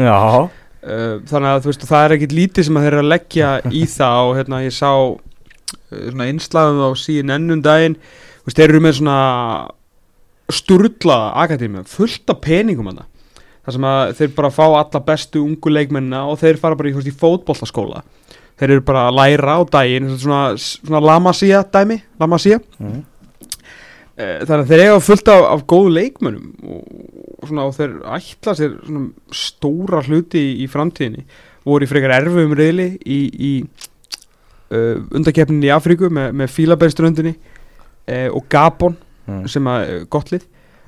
Tap ekki leik þar og það sem alltaf málið er við Marokko að þeir fá bara ekki raskat á sig á mörgum þeir fengu ekkert mark á sig góða múrin í hérna í, í undarkeppni eða sérst í, í þessu fyrsta reyli á móti fyrirbæðstundinni Gabon og, og Mali.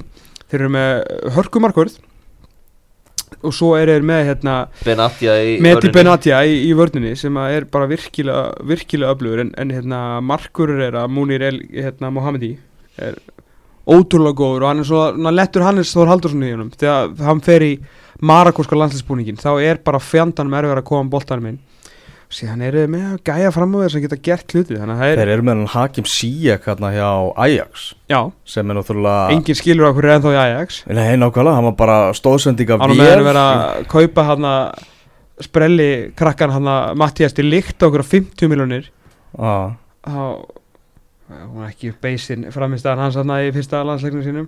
Hann gaf held ég áttamörk eða eitthvað. Nei, hvað var hann ekki líka áttar að hann spilaði hann landsleik? Jú, jú, hvað Leifi Garðarsson segir alltaf bara if you're good enough, you're old enough og ef hann var good enough þarna, þá skiptir með engu hvað hann var gammal Nei, nei. Hann hafði auðvitað framtíðina fyrir sig, þetta var ósangjart, hann er svo lítill uh, hérna, En já, ég held að Marokko er bara, þetta er hörkulið, það er bara sérstaklega ógeðsla sterkir uh, í vörn uh, miklu skipulari heldur en þú séð áður séð Afriku þjóður vera mm. og bara beittar skyndisóknir og þetta er lið sem getur algjörlega sært menn Mm. Talandi um skipulag, Íran. Heldur hreinu tólleik í rauði undakemni Já, reynda voru að kemja móta einhverjum svona miskoða þjóðum en þeir eru með, Finnum þjóðum? Já, þeir eru með Carlos Queiroz í, í brunni já, Já, já, já, alltaf Hann er svona ógeðsla fyndið. Já, já, hann er mættir að spila þess hann er að heyra eitthvað peninga. Þeir voru fyrstir til að mæta til Rússland, svo hafa hann. Já, þeir voru drífa sig, þeir voru Já, ákvað að taka góð, góðan tíma í þeir eru búin að vera þarna núna bara eitthvað þrjár vikur eða eitthvað sko. já, þeir búin að vera þarna í nokkað daga. Þeir eru svo spenntið fyrir þessu móti sko. En, En þeir, þeir skora, þeir, hérna, þeir spila tíu leiki í, í undakefni sinni. Eh, Suðu Kóri, sko ekki ykkur sturlaður reyðil verður að segjast. Suðu Kórea, Sýrland, Úsbekistan, Kína, Katar. Svona Kata lítið mjög út fyrir hann 2022 Já, þessi, þessi helstu hérna, svona fótbolta powerhouse. Eh, skora samt bara tíu mörki í tíu leikjum þannig að markaskorin er, er mikið, mikið vandamál hjá þeim og á eftir að, ég veit ekki okkur með þessum miklum tími í Íran þegar það er ekki sens það er ekki séðans hvaða leið fara áfram úr byrðilinu Tóm á þennan, þetta er en þú veist, þetta er alltaf Portugal sport sko en bara sport nummer 1, Portugal 2 eða ekki? Eftir alla Marokko Marokko ræðina Herru, ég ætla að, eh, að spátna á Marokko. Wow! Búm, búm Þegar við vindum okkur yfir í sériðilegin þar sem að eh, Frakland, Ástralía, Peru og Danmörk eru í, í samankomin í því partíi, sériðilspartíinu Já, Hósa Mourinho er búin að spá Fraklandi og Ástralíu þarna áfram Er ekki Ástralíu sem vilja? Jú, að Frakkland. spá Fraklandi og Ástralíu og greinlega búin að leggja gríðalega mikla undirbúningsvinnu í það ára hann mætti í þetta innslag þarna sem að allir fréttamiljar eru nú búin að sína Já, fekk við vantilega nokkra kúlur fyrir að mæta þarna aðeins og Já. teikna upp hverju færi áfram Nei, hann fekk að það þurfti ekki að teikna, þurfti bara að setja spjöld Já, Það var þetta mjög flott Já, já. en það var mjög augljóst að hann var, hafði, hann vissi ekki hvað lið voru á háum á hann mætti hann var Eða fekk bara eitthvað 16 spjöld og fekk ekki fleiri það tók bara eitthvað, þú veist, hérna eins og með okkur á bara Argentina já, hérna, the little guy is gonna win. Svo bara, að þetta er erfitt. Uh, já, sendum bara Afriku þjóða áfram. Svo bara, já, frakkarnir vinna hennar eðil og svo er hérna Ástralía. Fyrir ekki vinnur Peru og Danmörk verið í þessu sko. Þetta er skemmtilega Þetta er náttúrulega reyðil sem að við Íslendinga mætum í sextarúslutum þegar við fyrir þákað Ok, þá mætum við liðið á þessu reyðli ú, spennandi. Já, já. Eh, Það er engin Lacazette, engin Martial sem segir bara sitt um, um gæðin sem að frakkandir eiga sóknarlega með, með þessa svakalugu sveitir þetta, er þetta, er bara mót, þetta er bara lið sem að getur unnið þetta mót alveg, alveg hæglega. Já. Hvað, Ástralía? Frakland.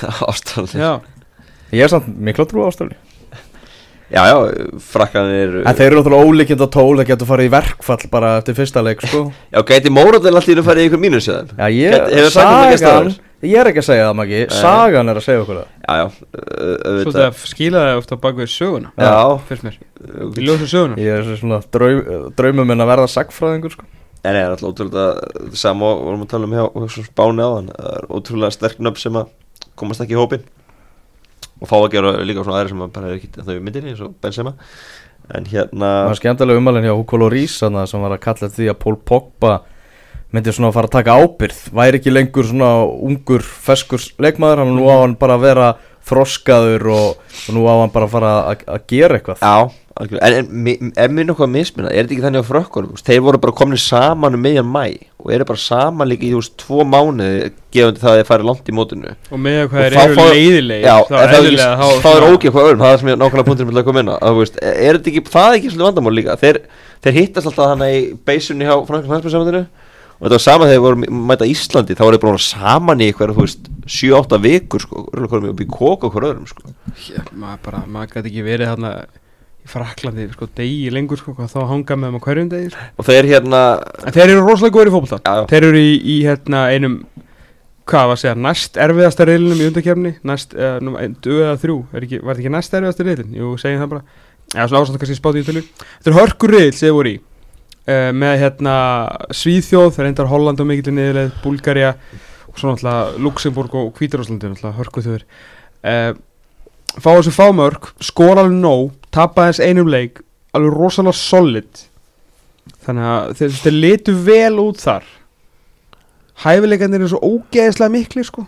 Og ég veit ekki hvort að ego er eftir að fylgja. Ég, það er eitthvað það er eitthvað við franska liði sem að ég, mér líst ekki á. Það er eitthvað veist, ég skildi þeir, þeir náðu svona virkja þessa stemningu heimavelli. Og það var gaman ekki bara svona í kringu þá. Og svona Já. góða fréttir og þeir voru bara nokkuð lettir og tókbúm og allir, allir góðir sko. Já, já. Það er eitthvað núna sem að. Ástralía uh, þeir eru komnir á, á, mættir á stóra sviðið. Þeir eru ekki vanir því að vera að keppa mikið á móti stóru strákunum. Uh, er ekki allt og stór biti fyrir það? Að, að vera Jú, mættir í veist- reyðil þeir hérna þeir eru í þriðja sæti í, í, í sérst, A7-kefnin er, er svona tvískipt. Fyrst eru hérna einhver tólflið eða eitthvað, nei þú veist, þetta eru tvískipt þetta eru þrjára, þetta eru fjórar umferð held ég. Þú veist, í þriðju umferðinni þá er svona búið að sópa svona allra mesta Ruslinu. sprellinu og ruslinu Já. burt þeir eru í, í hérna reyndar í hörku samkefni en þeir eru í þriðja sæti í, í bérili þar fá 19 stig og eftir Japan og, og Saudi Arabíu og síðan er þetta hérna fara í, í umspil, ekki, jú, umspil Já við Sýrland. Og komast það neyri sko. Já. Já, já. Þetta er ekki alveg Já. Mourinho var að senda þetta lið áfram sko. Já, ég held að Þá ég að fara að þjálfa En Manchester United En þetta pæli eitthvað bara í alvörinni nála til að, að, að Sýrland er með á þessu móti sko. Já. Það er magnað. Ástralía vann sko Sýrland í setnileik eftir framlengingu. Já, Og veitir hver skoraði bæði mörkin? Keil Að Það svolítið Alveg vel feskur hann Keil Já, já, hann er spilum Milvól í dag og er sjálfsögum mættur að hafa.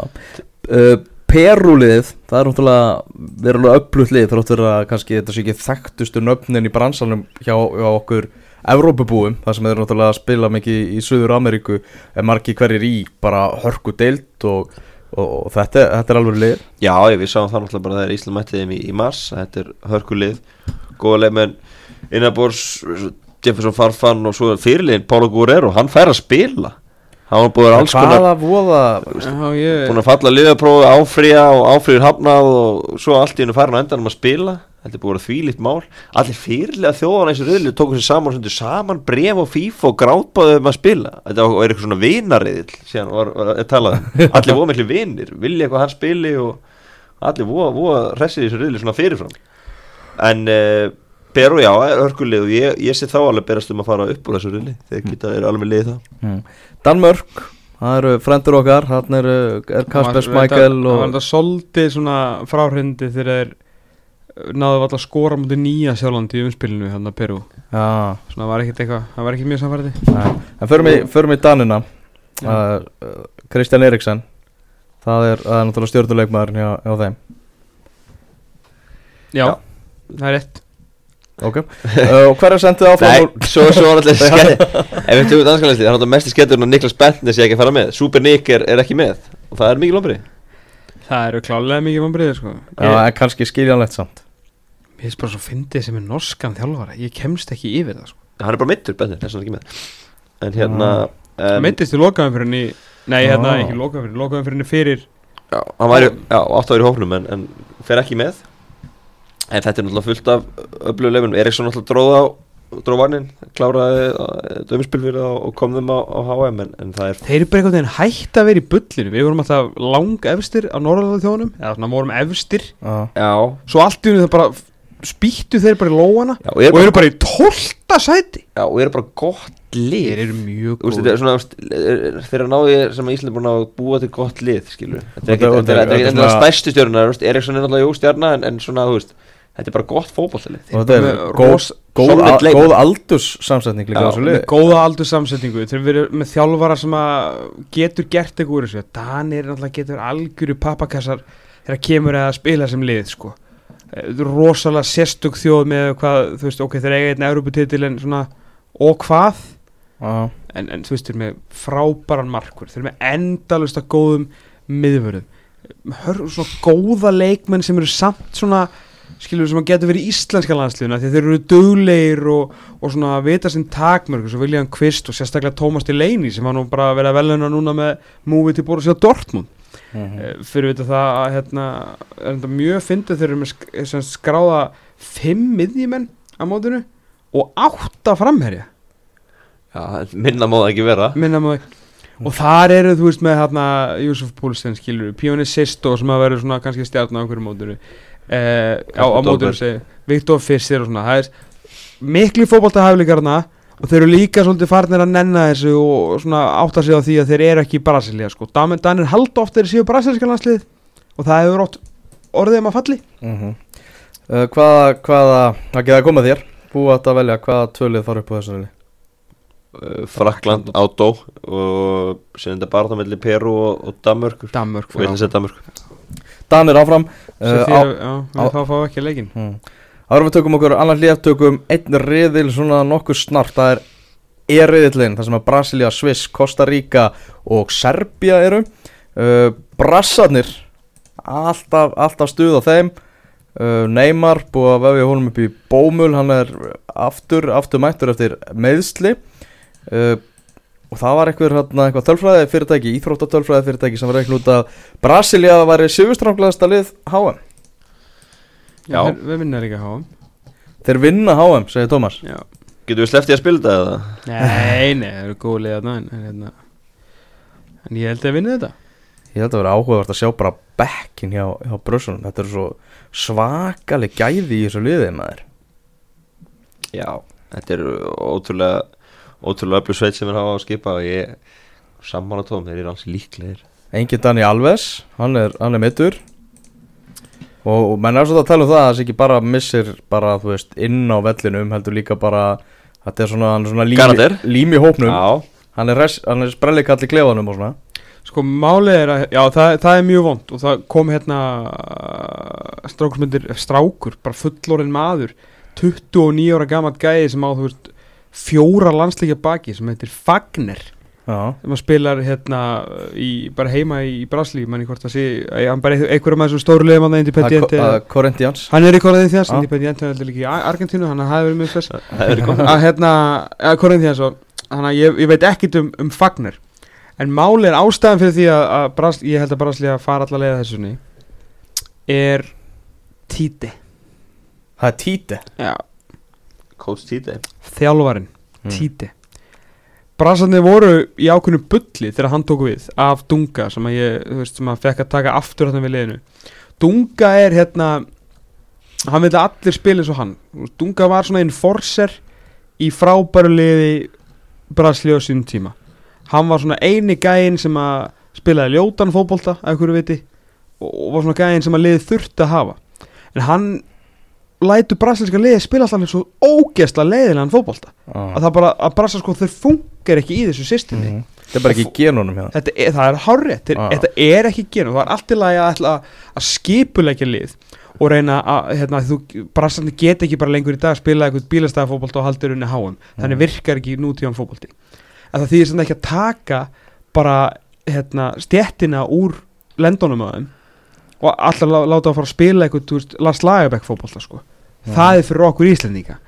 Uh, Þannig að þeir hefur ekki löngu yngustunum ha, Þú heldur þeir hefur ekki löngu yngustunum á nei. Nei, En málið er að hérna að títið, þú veist, að hérna hann hefur bara skemmtilega brasilíska sína á þetta. Hann fór að gefa hérna mönnum hún var alveg sama hver menn voru að spila. Að bara ef þú voru að spila vel þá fenguðu tækifæri. Besta dæmi um það uh, Paulinho. Hann var bara að spila í Kína bara hressaði og hann bara eftir Neymar og hann basically besti leikmaður í undakefni þeir tóku ströyð eftir að títið mætti þarna breyta hans tæktingin leiðum að vera svolítið brasilískum, samt skipulaðir valdi leikmenn sem voru í stuði á, hver, veist, á þeim tíma fyrir sig. Mhm. og hann bara virðist algjörlega vita út af hvað brasilíska landsliði að vera. Hann var orðaður sem artækin eftir HM 2014 fekk ekki tækifæri þá, þá fóru í dunga aftur og síðan ákveður að gera ekki mistökin ennina fyrir hana, reðu títi og, og hann verður svona pústlið sem ég held að munu að endanum skila Brasilíu sjötta heimsmeistaratillin ég elska Brasilíu. Ég Tím elska Brasilíu. Já. Neymar búin komið að vera meittur Það er engar, úst, og Fred er þetta meður Já, Neymar er alltaf búin að middur en, en, en hann verður nú með, þetta er ekki svo HM síðast þegar allir fóru að gráta og, Það sem að dó Dó hann ekki þar? Jú, lifnaði og- gæsa. Það er ekki furða að PSG gæti ekkert no, þú veist, notað en Champions League menn að maðurinn Nei, dó nei, ég veit. Heyrðu þið svissneska liði Það er er mest óspenn og er, he- er Ha? hefur verið og mun alltaf vera mest óspennandi landslið heims Flott að séum með þeim í þjóðudeldinni Það er frábært Því mi- það var, það var Það ömulegt var áttur. skelvilegt Þeir eru Þeir eru allt of góðir til að hérna, eitthvað, eitthvað svona tala illum þá skilur við sem fótboltaþjóð Já. en allt of óspennandi til að nenna því Já.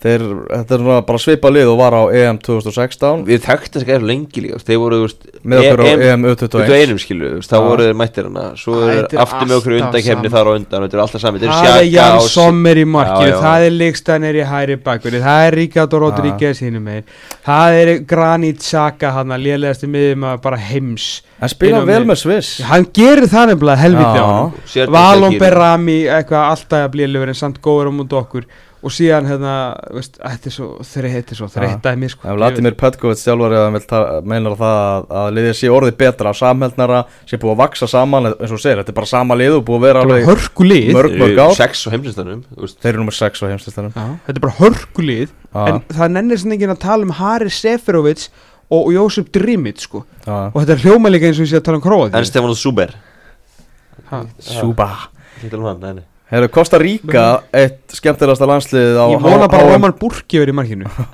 Það er gæði sem hann spila allt og marga leiki fyrir Borussia Dortmund sko. Costa Rica, eitt skemmtilegasta lið á HM 2014 Já, uh, komin áttur öllum á óvart og það var haldinn þjóðhátti þegar strákanir mættu heim og það er flottir voru, voru virkilega, virkilega flottir Geta þeir lendi í einhvern fleiri æventyru núna? Nei Nei, ég held að það sé Það voru ótrúlustu menn Brian Ruiz og Kjellur Nava skutið saman sjónum sig þá svolítið. En hérna Nei, ég held að það veri Engin ágangur því partí. Ég held að þeir séu bara að fara að Taka hátt í riðlakefni og, og svo bara pakka þér í tösku og fara heim. Já, en, en Serbarnir Það er svona Veit lítið um það na. Þeir eru með Matic náttúrulega þeirra, þeirra svona stjórnuleikmann Já, Miljovic. Mourinho sendi þá ekki upp úr riðli uh, að því að hann vildi að nefna að Matins kemur til sumafrí og mikið lagt í þetta. Já, náttúrulega Milinkovic Savic sem er að koma úr hörku tímabili á Ítalíu með, með Lazio.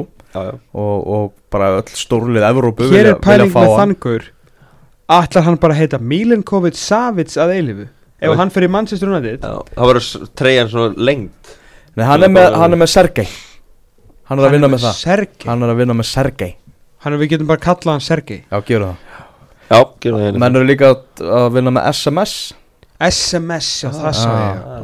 Já, Ég hérna uh, Ég veit rosalega lítið um hann ekki Ég verð að veikina En ég hérna er búin að lesa um hann mikið. Núna ég er alltaf út af þessum Manchester United orðrumum Og uh, ég aðdraðandi að háa Og ég ætla bara að gera með ferð að horfa á Reyndar sjáum við aldrei raskat þegar við erum á þessum mótum. Já, En ég langar að sjá hann út það er ferð og leik með Serbíu og sjá hann Nei, ferð að sjómanstæki Já, Það ok sem er svona skemmtilegt við hennar leikmann hann er svona, þú veist, þetta er bæði te teknískur og, og flinkur leikmaður en líka hörkutól og, og svaka skrokkur sko, í, í sama leikmann Það er gott, Já, góð blanda. Það það gerir þetta mjög skemmtilegt. Svo sem fyndi Adam Lights Gæði sem átti að vera eitthvað súperstjörn á United Gekk ekki upp. Hann leti ekki degina sig á var- Mættur á HM sko Og bara til Ítalíu, búin að vera flottu þar í langan tíma. Já, svo sjátt á Alexander Mitrovic frammi. Hann gæti stofnum til yfirilda í Tóma Herbyggi sko. Shit maður, það er eitt bilaðu gæði sko. Tom, þú ætlar að senda tvö lið hérna ára við tökum okkur smá lið Tvö lið upp úr eriðilnum. Því lítið að hæpa okkar reyð Það er fullt af Er þetta ekki besti reyð en á HM? Þú spáði bra Brössonum, Títei og fjölögum Brasilia vinnur það ekki? Já, Herru, það er Sviss, sko, Costa Rica verið í bóðsættinu Sviss eða Serbia? Ég held að Svissildingarnir séu bara ofur útinnir þær. Þeir munu ekki tapa leikning gegn Serbíu. Brasilia mun fá nýju stig Og Sviss mun einhvern veginn svissa sig áfram Og Serbia verður því miður skilnættir hmm. Haldið áfram að hlusta eftir augnablik ætlum við að uh, skoða FG og Háriðlana Elva Geir, Tómas Stór og Magnús Már við erum eftir að skoða þrjá riðla á HM í Rúslandi og næsti riðl sem við ætlum að skoða hann er svaðalega gómsætur. Eitt svona já, skemmtilegasti riðl sem maður hefur séð lengi. Við erum að tala um Þískaland Mexiko, Svíþjóð og Suður Kórea sem eru öll saman komin í F-riðli og, og þetta er þetta er kynþokkafullur riðill og, og mjög fjölbreyttur og, og skemmtilegur. Af hverju er Manuel Neuer uh, listaður sem aðalmarkur Þískalandsins? að því hann fekk treyður nummer 1 eða ekki? Og á að vera fyrirlið lýsast á var tilkynnt í vikunni. Hefði ekki verið fínt að hann hefði spilað fótbolta mark Átt, ætlaður að hafa nájur í marki það til allar búin og eitthvað. þeir eru sko ekki lítið búin að vera að forsa því að hann fari með á HM sko. Ekkert smá, hann að spilaði þessa vináttuleiki núna. Uh, Er, þú veist, kafteinn og Meittist í september, spilaði ekkert með bæinn nema bara eitthvað, náða leikir okkin Hann var, hann var ekki látið spila byggarúst Nei, náða honum ekki, nei, hann náði ekki leik. nei, Hann náði ekki leik. En svo bara, þú veist Nei, að því að Mark-Andri Ter Stegen, þú veist, fekk á sig sex mörg eða eitthvað Já, já, ok, hann fekk að senda smörg En, en það er ekki að Hefur, testa hann hversu pirrandi er að vera Mark-Andri Ter Stegen í dag?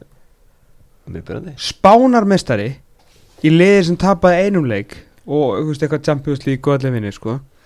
Ok, þú sættir við það að Manuel Neuer er nummer eitt í Þýska landsliðinu þar til að hann gerir eitthvað mistöku eða eitthvað. Hann spilar ekki heilt tímabil.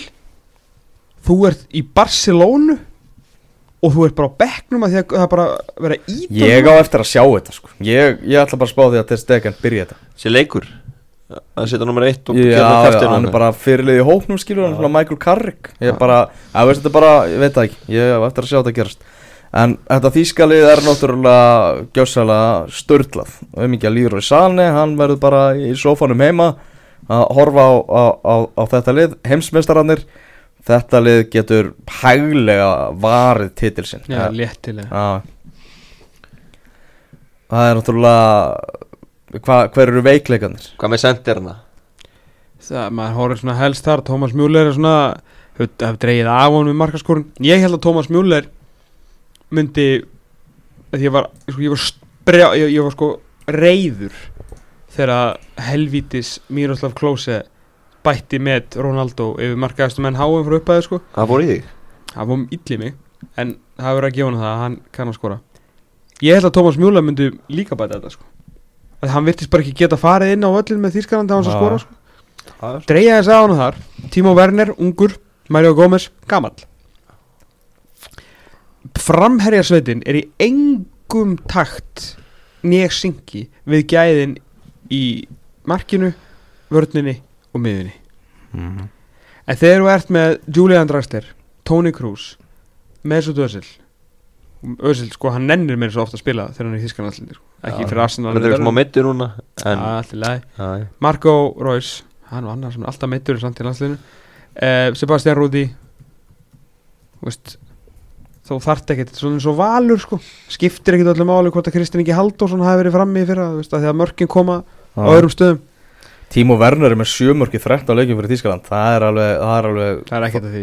þokkalegt. Svo við erum bara að tala um nöfnin sko. Gaurarnir er alveg góður í fótbolta og þú veitir Thomas Müller stórt nafn sko. Já, já, hann er markaðasti leikmaður HM sem er að fara að taka þátt í HM Já, það er svo leiðis Já, Hvað er að meta mörg, háa mörg sem hann er komið með? Já, Ég maður ekki. Þau eru nokkur. Þau eru nokkur sko. Já.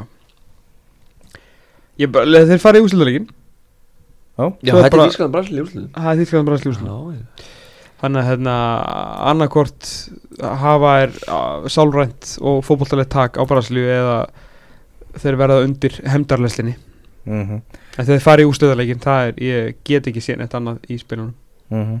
Mexiko er einni í þessu mætum nú Mexiko í uh, Santa Clara í Bandaríkjunum fyrra, fyrra á þessu ári og það er mikið stuð alltaf í kringum, kringum Mexiko Það verður teilgeitað í, á bílastæðunum í Rúslandi og, og, og mikið fyrr Já, sko, Mexico er svona til að ensk, setja ennsku uh, the most underachieving nation ever að háa Já, svo það lið og svo þjóð sem að hefur náð hvað minnstum árangri með að við uh, gæði í raun og veru ég, að- ég veit ekki hvort að jú, eflir svona okkar hlustundur sem alltaf eru þeir fótbolta gáðustu í heimi en einhver aðri sem á kannski astast inn á þessa stöð uh, í þessu fína hátíð á lögði ég veit ekki hvort að fólk átti sér alveg á Mexiko sem fótbolta þjóð uh, þeir eru alltaf eru sturlaði þegar kemur að fótbolta.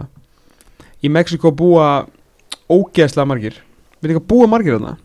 Það eru 130 miljónir sem Vá. búa í Mexiko þannig að uh, hæfileika sundlaugin og pæltur líka öllu Mexikóinu sem búa ekki í Mexiko einmitt. En eru til. Hæfileika sundlögin er uh, rétt eins og áin ah. í biblíuversinu, hún er djúb og breið. Mm Það er nóg af leikmönum úr að velja. Líka MX deildin er svo sterkasta í Ameríku. -hmm. Já, eina af þeim sterkustu í Ameríku. Ógeðslega miklu, miklu peningarinn í búði Þetta er lið sem að hefur í gegnum tíðina átt að gera bara miklu, miklu, miklu, miklu betur En núna er komin auka pressa á það Þegar þeir eru ekki bara Mexiko Þeir eru orðinir eiginlega, Þeir eru eiginlega bandaríkin líka. Bandaríkin komust ekki Og eins og Fox sjónastöðin Hún er að marka setja Mexikóna í drastl þegar þeir triður sér réttin og ætla að sína einhverja slatta leikjum á, á, hérna, á HM í sumar og það hefur svona verið þeirra þing í sumar. Mhm. uh, og þeir eru búin að marka setja á alveg fyrir allan seðilinn sko. þannig að komin auka pressa á Mexikoskaliði sem ég held að sé bara mjög vond fyrir þá sko. Já. ég held að þetta hendi þeim bara alls ekki neitt og ég held að þeir haldi bara áfram að, að undir að tífa sko. Mhm. uh, Svíjarnir, þeir eru Östunum Mexiko uh, Munum á síðasta hafði það Guillermo Ochoa sló í gegn aðdurlösi varmaðurinn Já, svo vegna bara fór til Malaga Fekk að spila 11 leiki á þreymur árum Og er núna í standard líi Hversu mikið mót lífsins var þetta? mest Já, bara mest já, mest Já. uh, Markurinn heitir Corona og það er alltaf fyndið Herðu, svo Víþjóð Þeir eru með okkur í, í bæ Það er að segja með höfustöðvar í sama bæ og íslenska landslið Þannig að við höfum eftir að sjá svíjana alveg helling na- á, á næstu dögum Engin slatan uh, Fyrsta stóra mótið í ansi langa tíma sem svíjar að taka, taka þátt í án, án slatans uh, Unnu náttúrulega Ítali í þessu umspili til, a, til að komast þarna En það er kannski ekkit svona mikið af voðalega spennandi leikmunum í þessu liðum ekki Nei Þegar að hann var ekki að fara Það fór svolítið mikið úr þessu Og hérna Með Emil Forsberg aðna hjá hef, Leipzig. bara- hann var alltaf svona Hann var alltaf svona í þessu að því hann ætlaði að fara Ég hef viljað bara sjá hann Taka, hú veist. Hefði gefið síðan miklu meiri lit Að fá hann með á þetta mót. Já, Ég held að veri flatt að þeir fara út úr yllu Hann er ekkert að fyrir þetta Ég held að hann ekkert að geða svona bara búst bara með að mæta eitthvað Og vera eitthvað heiti áfram. Já, svíjarnir hefur alltaf sannska þjóðin hefði alveg verið tilbúin í það. Uh, Söður Kórea er einni í, í, í þessum riðli og þeir eru með, kemur ekki kannski orð þeir eru með mikið, mikið hraða í sinni sóknarlínu. Þetta eru svona, menn þurfa að vera vel og verði á móti, móti Söður Kóri allanleikin Já, þeir eru samt svona er rosalega eitthvað slappir alltaf þegar kemur að þessum stórmótum. Maður þú veist, þeir eiga oft svona eitt rosa góðan eins og núna eiga náttúrulega Son. Gettinsson en þegar maður horfir sen á þetta lið spila, þú veist, þá er maður svona váka svon langar bara, veist, alveg eins og okkar strákun langar er alltaf bara að vera að spila með íslenska landsliðinu. Já, þá langar er svon bara að vera að spila með tóttinum sko.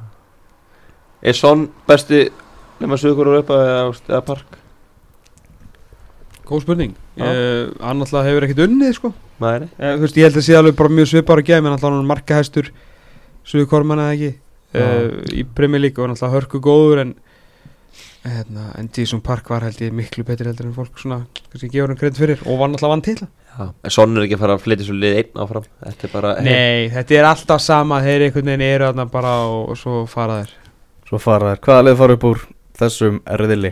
F-riðlinum Þannig Þískland vinnur hann við og Mexiko 2 ekki? Mexico 2 og svo fyrir Mexico út í 16 liða uh, G-riðlin, það er Belgia, Panama, Túnis og England. Byrjum á uh, Belgonum og þar vantar nú ekki mannskapin Þetta er, er magnaða mannskapur og bara við þekkjum náttúrulega hvern, hvern einasta mann í þessum hóp og hann er í beinni útsendingu á, á stötu sport yfir vetratíman hverja einustu helgi Já, belgan er, líka einlendingan er bara að fylgja En Sky Sports fer alltaf í öll landslöfskunni Belgum og taka endalast af viðtölum. Er Það bara er eðlilegt þegar menn tala á blamanfundum eins og Thibaut Courtois. Já, her, Hann tók bara, setti bara Karius og grillið sko. Já, já, algjörlega og gera það vel þetta Já, en, en, en belgan eru líka bara ógslag opnir Það er bara endalust, ég talaði ekkert um við hérna David Cotterill á Sky þegar Belgi og Ísland voru að keppa Hann sagðist bara, hann eldi Belgi út um allt eða eitthvað frá að Þeir veitir svo mikið af viðtölum. Þeir fá miklu fleiri viðtöl við ennsku leikmennina Nei, leikmennin í skrúslutinni í landsleikum með Belgíu heldur en á Englandi. Mhm. þannig að elda út fyrir England og fá viðtölum þar og taka hellinga viðtölum og, og mjög hæsir og, og en það er þessi er það belgísk bara ráðast úrvarslið leimann og enn skúrvarslið svona að miklu leiti hefur verið ekki með tíðina og hérna að all, allir voru svona niður og ja, belgari þeir fari úslit, þeir eru svona góðir svo bara tók velst út í áttala Það var rosalegt það var rosalegt, það var, var ákveðu högg það var hérna fyrir, fyrir belga og þess að gutt kynslu þeirra en hérna Er þetta pressan sem er svona að fara með belgana? Það, það. er einhvern veginn alltaf talað um það bara þetta verður bara besta lið í heimi og eitthvað og svo bara líða árin Já. og, og núna á þetta lið bara að vera algjörlega í, í præminu Ég meina þeir eru með Þessi hópur er svo mikið bull já. Þetta er algjört bullsópin sko. Já, já, og, og, og, og það vandar ekkert um á nöfnin og hæfileikan og allt það en, en svo Er að Janus að saman. hópnum? Já, Já, það er mjög Hann, fyndið hann, var hann fekk enga dínu á hann svo á gólfinu.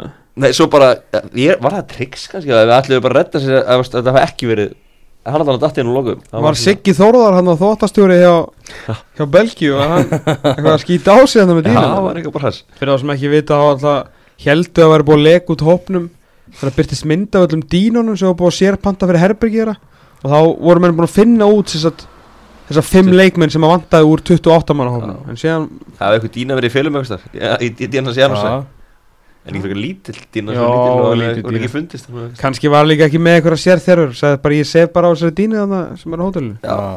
Til Braunu, hann er náttúrulega í þessu lið Hann kann að búa til fótballtamör Jésús, þetta lið sko. Ég, Og svo, svo náttúrulega rosalega skemmtilegt Þjálfarateimi með Roberto Martínez og Thierry Henry. Já, Þetta er náttúrulega aðri mótirir okkar í þjóðateltinni í, með hvernig sko fótboll, sko Thierry Henry spilaði fótbolta og með hvernig fótbolta Roberto Martínez vill spila.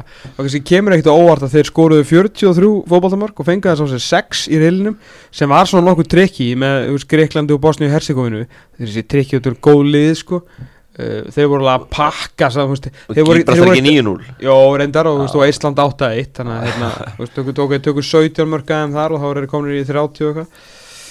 Í þá áttalegjum þannig að þeir geta alveg skorað og geta skorað fullt af mörkum. Ég bara, ég þekki og lítið svona belgiska mentalitið ekki nú vel. Ég hérna þetta lið á pappir getur alltaf orðið heimsmeistari. Já, já en hvort að Roberto Martínez næra búa upp ykkur svona, búa til ykkur stemningu? Hann gerir vikkan að byggamesturu Getur hann ekki gert bara- punktur. getur hann ekki gert bara belga heilmesturu E- jú, og veist, jú, jú. hann er betra hráfnið þannig heldur en í vikkansúpunni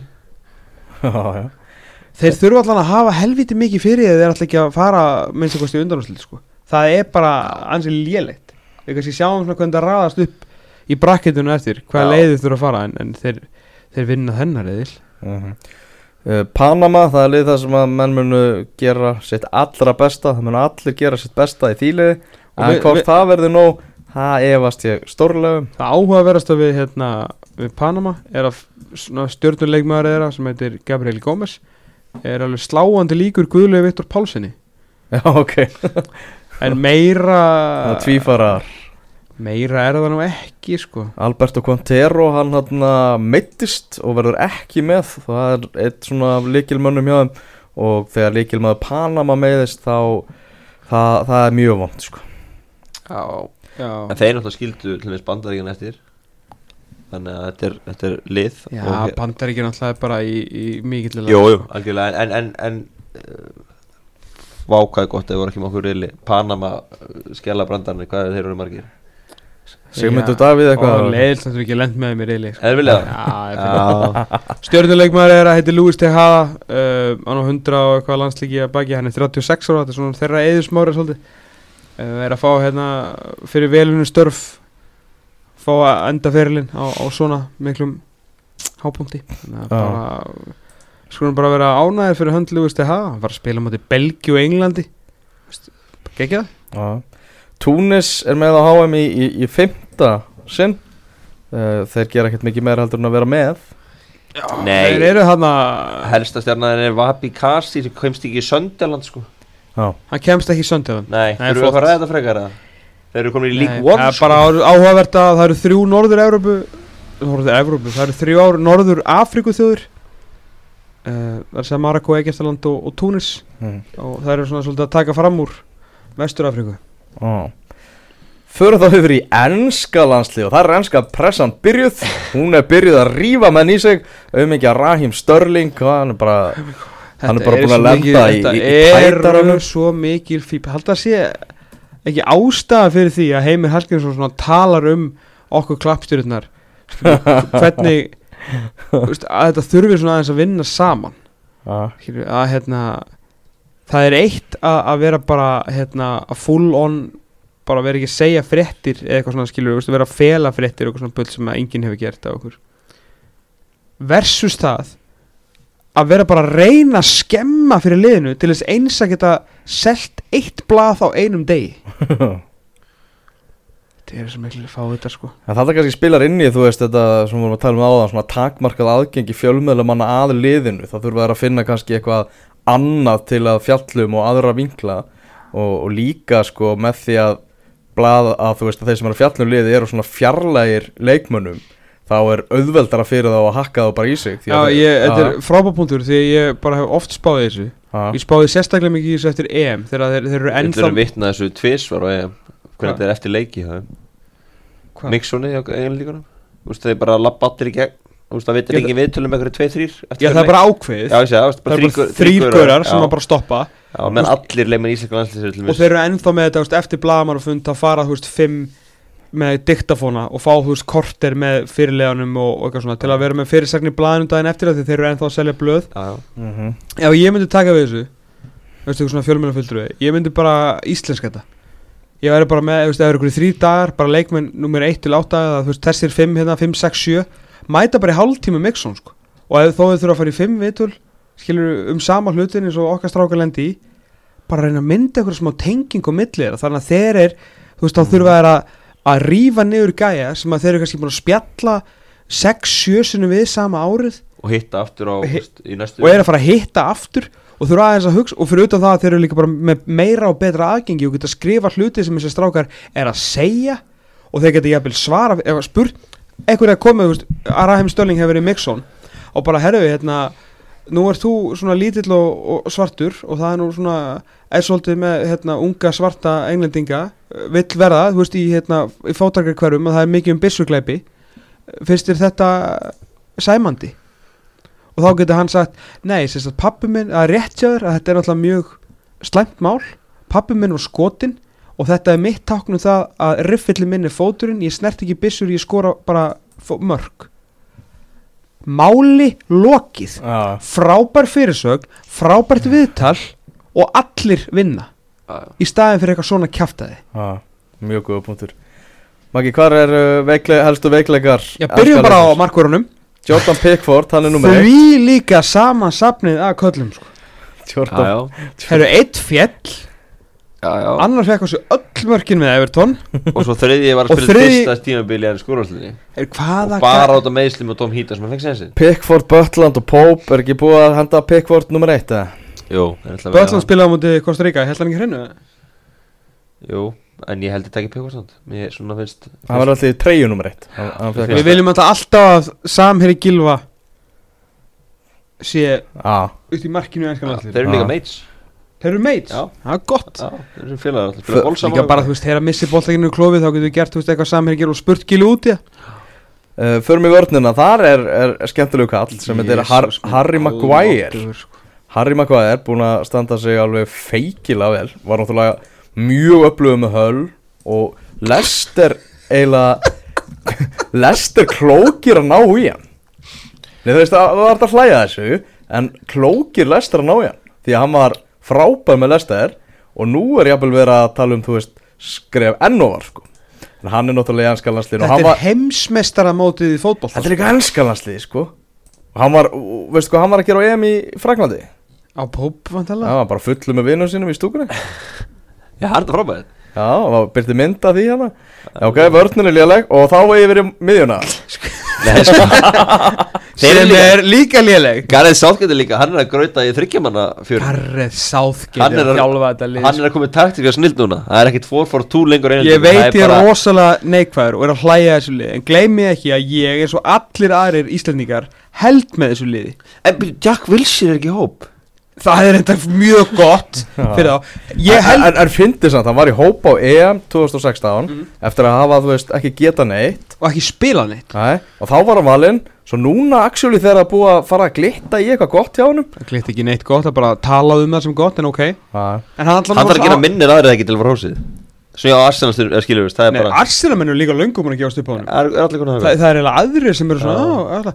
Ég man bara eftir hérna þegar Alan Shearer Alan. Shearer byrjaði hérna eftir þau töpu fyrir Íslandi Það bara eitthvað, þetta var umrætt og hvernig getur Jack Wilshere spilað hann, hann, hann spilaði ekki leik og hvernig á hann getur verið nógu góð fyrir England Really? Bara wow, Vist, þetta er sem allir að segja nema því Ok, Ja. Þeir hann- eru með Harry Kane samt. Þeir eru með Harry Kane. Það er alveg ekki hægt að hlæja að því. Ætla hann takja hornin? Hann er góður. Já, hann vil að taka vonandi- Þetta, skilum við Við náum- Ást Við náum að finna grínpunkt um allt.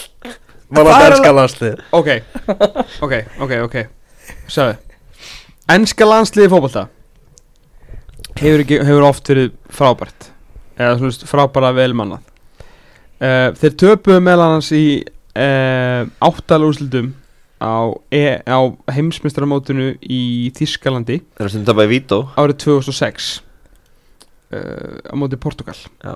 í vítaspinnu kefni í frábærum fótballleik sem er einhver svona mesta uh, svona hetju framistaða uh, og flottasta framistaða sem ég sé hjá ennsku landsliði. Þeir voru alltaf voru manni færri eftir að rúnilegt reyka sig út af uh, Owen Hargreaves var bara sturglaður í þessu leik hann voru út um allt og þeir komist í vítaspinnu kefni ákveða þar að láta miðverið taka veist, miðverið sem er ekki Björn Berg Bríði og lendi því að tapa leiknum. Karrega var se- settur inn á það ekki? Jú, veist, Hann tók víti, hann kom inn á bara 120 til að taka víti. Já klúraði Já. Já, einmitt. Ok, Ricardo var hanskólis í markinu. Uh, rétt.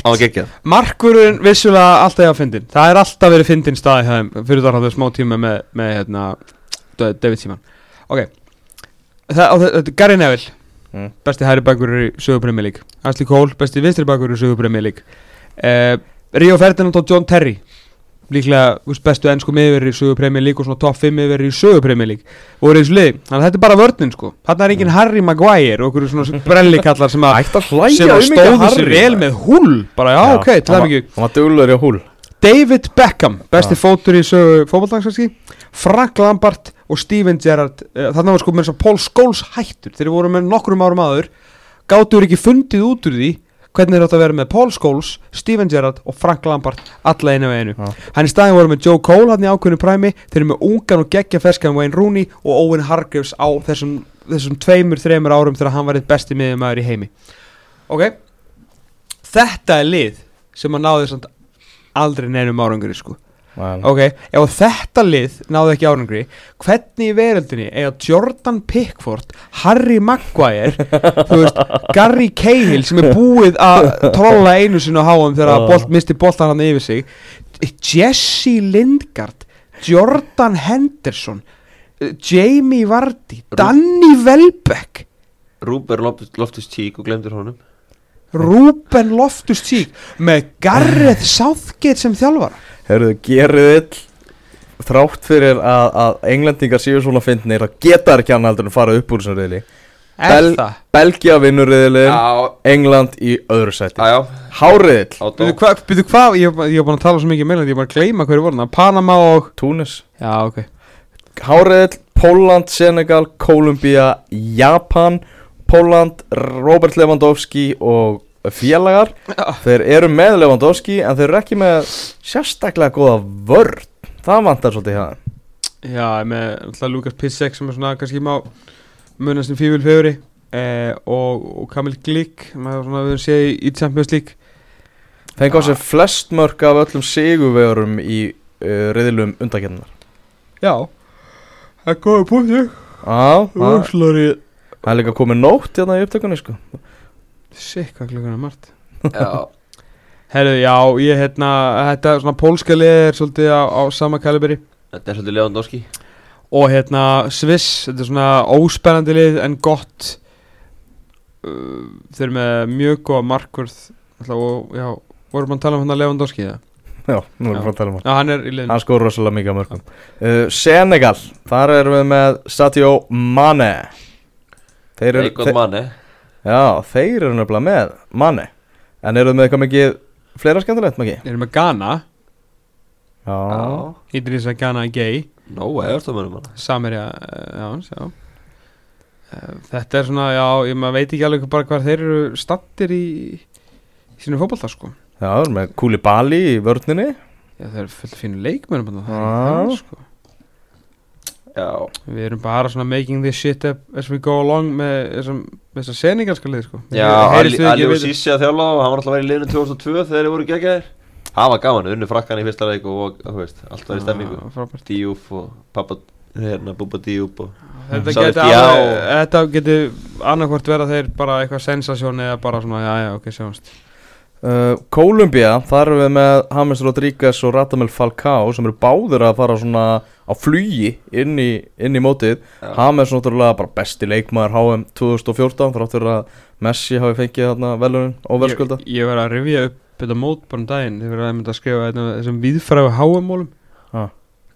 Gæinn skora eitthvað minnsta fokking leik. Já. Já, geggjaðir og, og, og sturlu mörg Hvað bull var í gangi? já, Hann skoraði einhverjum einasta leik. Já, Hann var svakalur.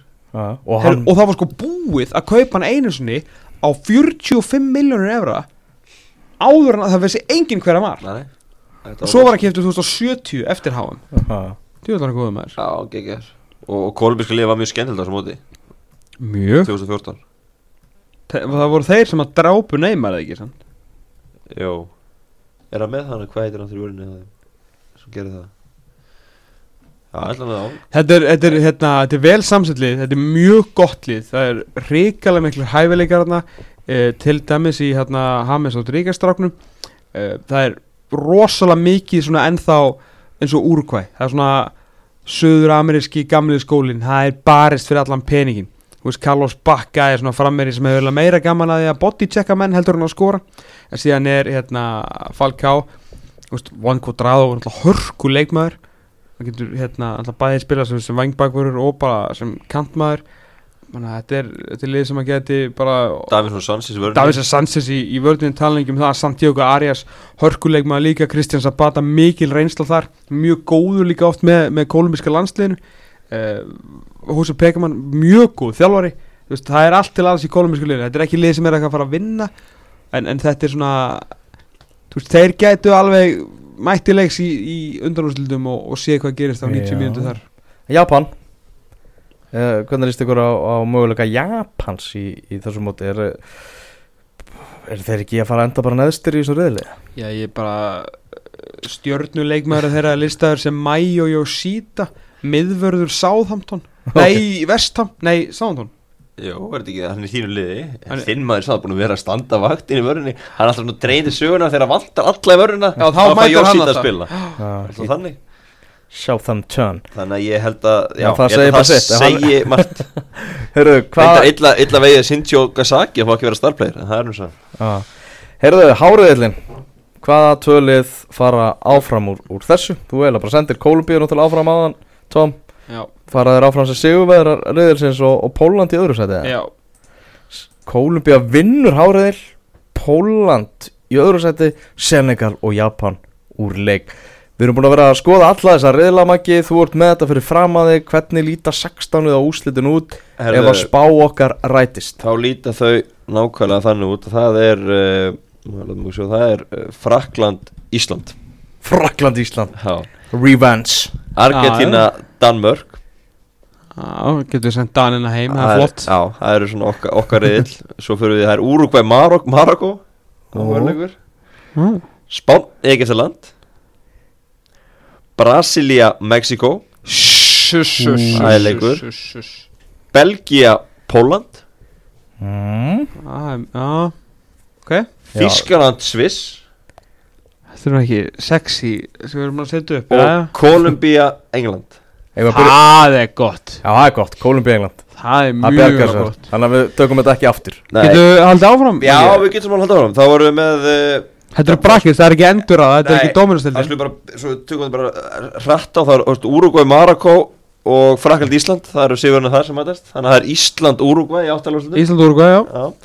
Uh, Brasilia, Mexiko og Belgia, Póland Þannig að það er Brasilia, Belgia Það er leikur í áttalega Já, Ok, Brasilía ok. vinnur það. Það er uh, Belgia hvað, Belgia hvað það það er þannig. Ámri Spán, Egyptaland og Argentina Danmörk, þá erum við Spán, Spánn, Argentina það er leikur líka. Já, spott vinnur og Þískaland eða Svissa Þískaland þá á, á móti Kolumbíu eða Englandi? Kolumbía vinnur Kólumbía. 4-0 Þískaland, Kolumbía þannig að það er- það er Þískaland, Kolumbía Ég segja að Kólumbíu að vinni Vító Þískaland, Kolumbía, Spán, Argentina Uruguay, Ísland og uh, Brasilia, Belgíu og afturhaldstinn, þetta eru allt mjög skemmtilega leikir. Ég verið bara búin að setja mjög fínt mót fyrir ykkur. Fyrst eru búin að bjarga umgjörn í Pepsi-dildinni og nú eru að setja fínt háum fyrir ykkur og ég veit ekki hvað við getum gert meira sko.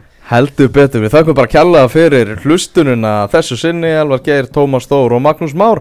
Þakka fyrir sig, minnum á það að eftir viku þá erum við að tala um Argentína, Ísland á HM í Rússlandi. Já, þið verðið bara að trúa því. Þetta er, þetta er, já, ne- já, þú er búin að slöka á. Nei, ég er ekki búin að slöka Þú ert ekki búin að slöka? Nei. Þú ert að svona Kvartu með hérna svona eldraði í lokin. Eldraði? Svona sveppgalsa eldraða Já, ég Kæru Íslandingar Kæru Íslendingar, nær og fjær. Eftir eina viku munur strákarnir okkar ganga át á völlin við hliti Lionel Messi og strákan í argentírska landsliðinu. Við þurfum öll að hafa trú. Ég er að bulla. Ég, hérna, ég, Já, er, segjum þetta bara, gott. ég er mjög spenntur fyrir þessu. Þetta verður uh, reikalega gaman. Ég hef mikla og sterka trú á jafntefli í þessum fótballtaleik uh, sem að er mikil sigur fyrir okkur.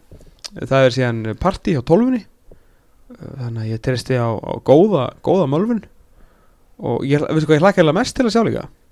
Hvaða verða margir á leiknum? Já. Það veit enginn hvaða verða margir íslendingar á móti Argentínu. Já, en, En- við veitum alltaf að vera fullu En völlur. hvernig þarf að komast að því? Það þarf að telja bara þegar á mætir á völlinu eða fá, Ég ætla ekki að gera er Það. er að við þurfum að fara að sofa. Ég er með fólki í þessu. Það getur verið erfitt að lesa kýrilíska letrið á götuskiltunum í Rúslandi. En við gerum þér auðveldara að komast ánga. Raðgreðslur borgunar. Auðvelda ferðalög.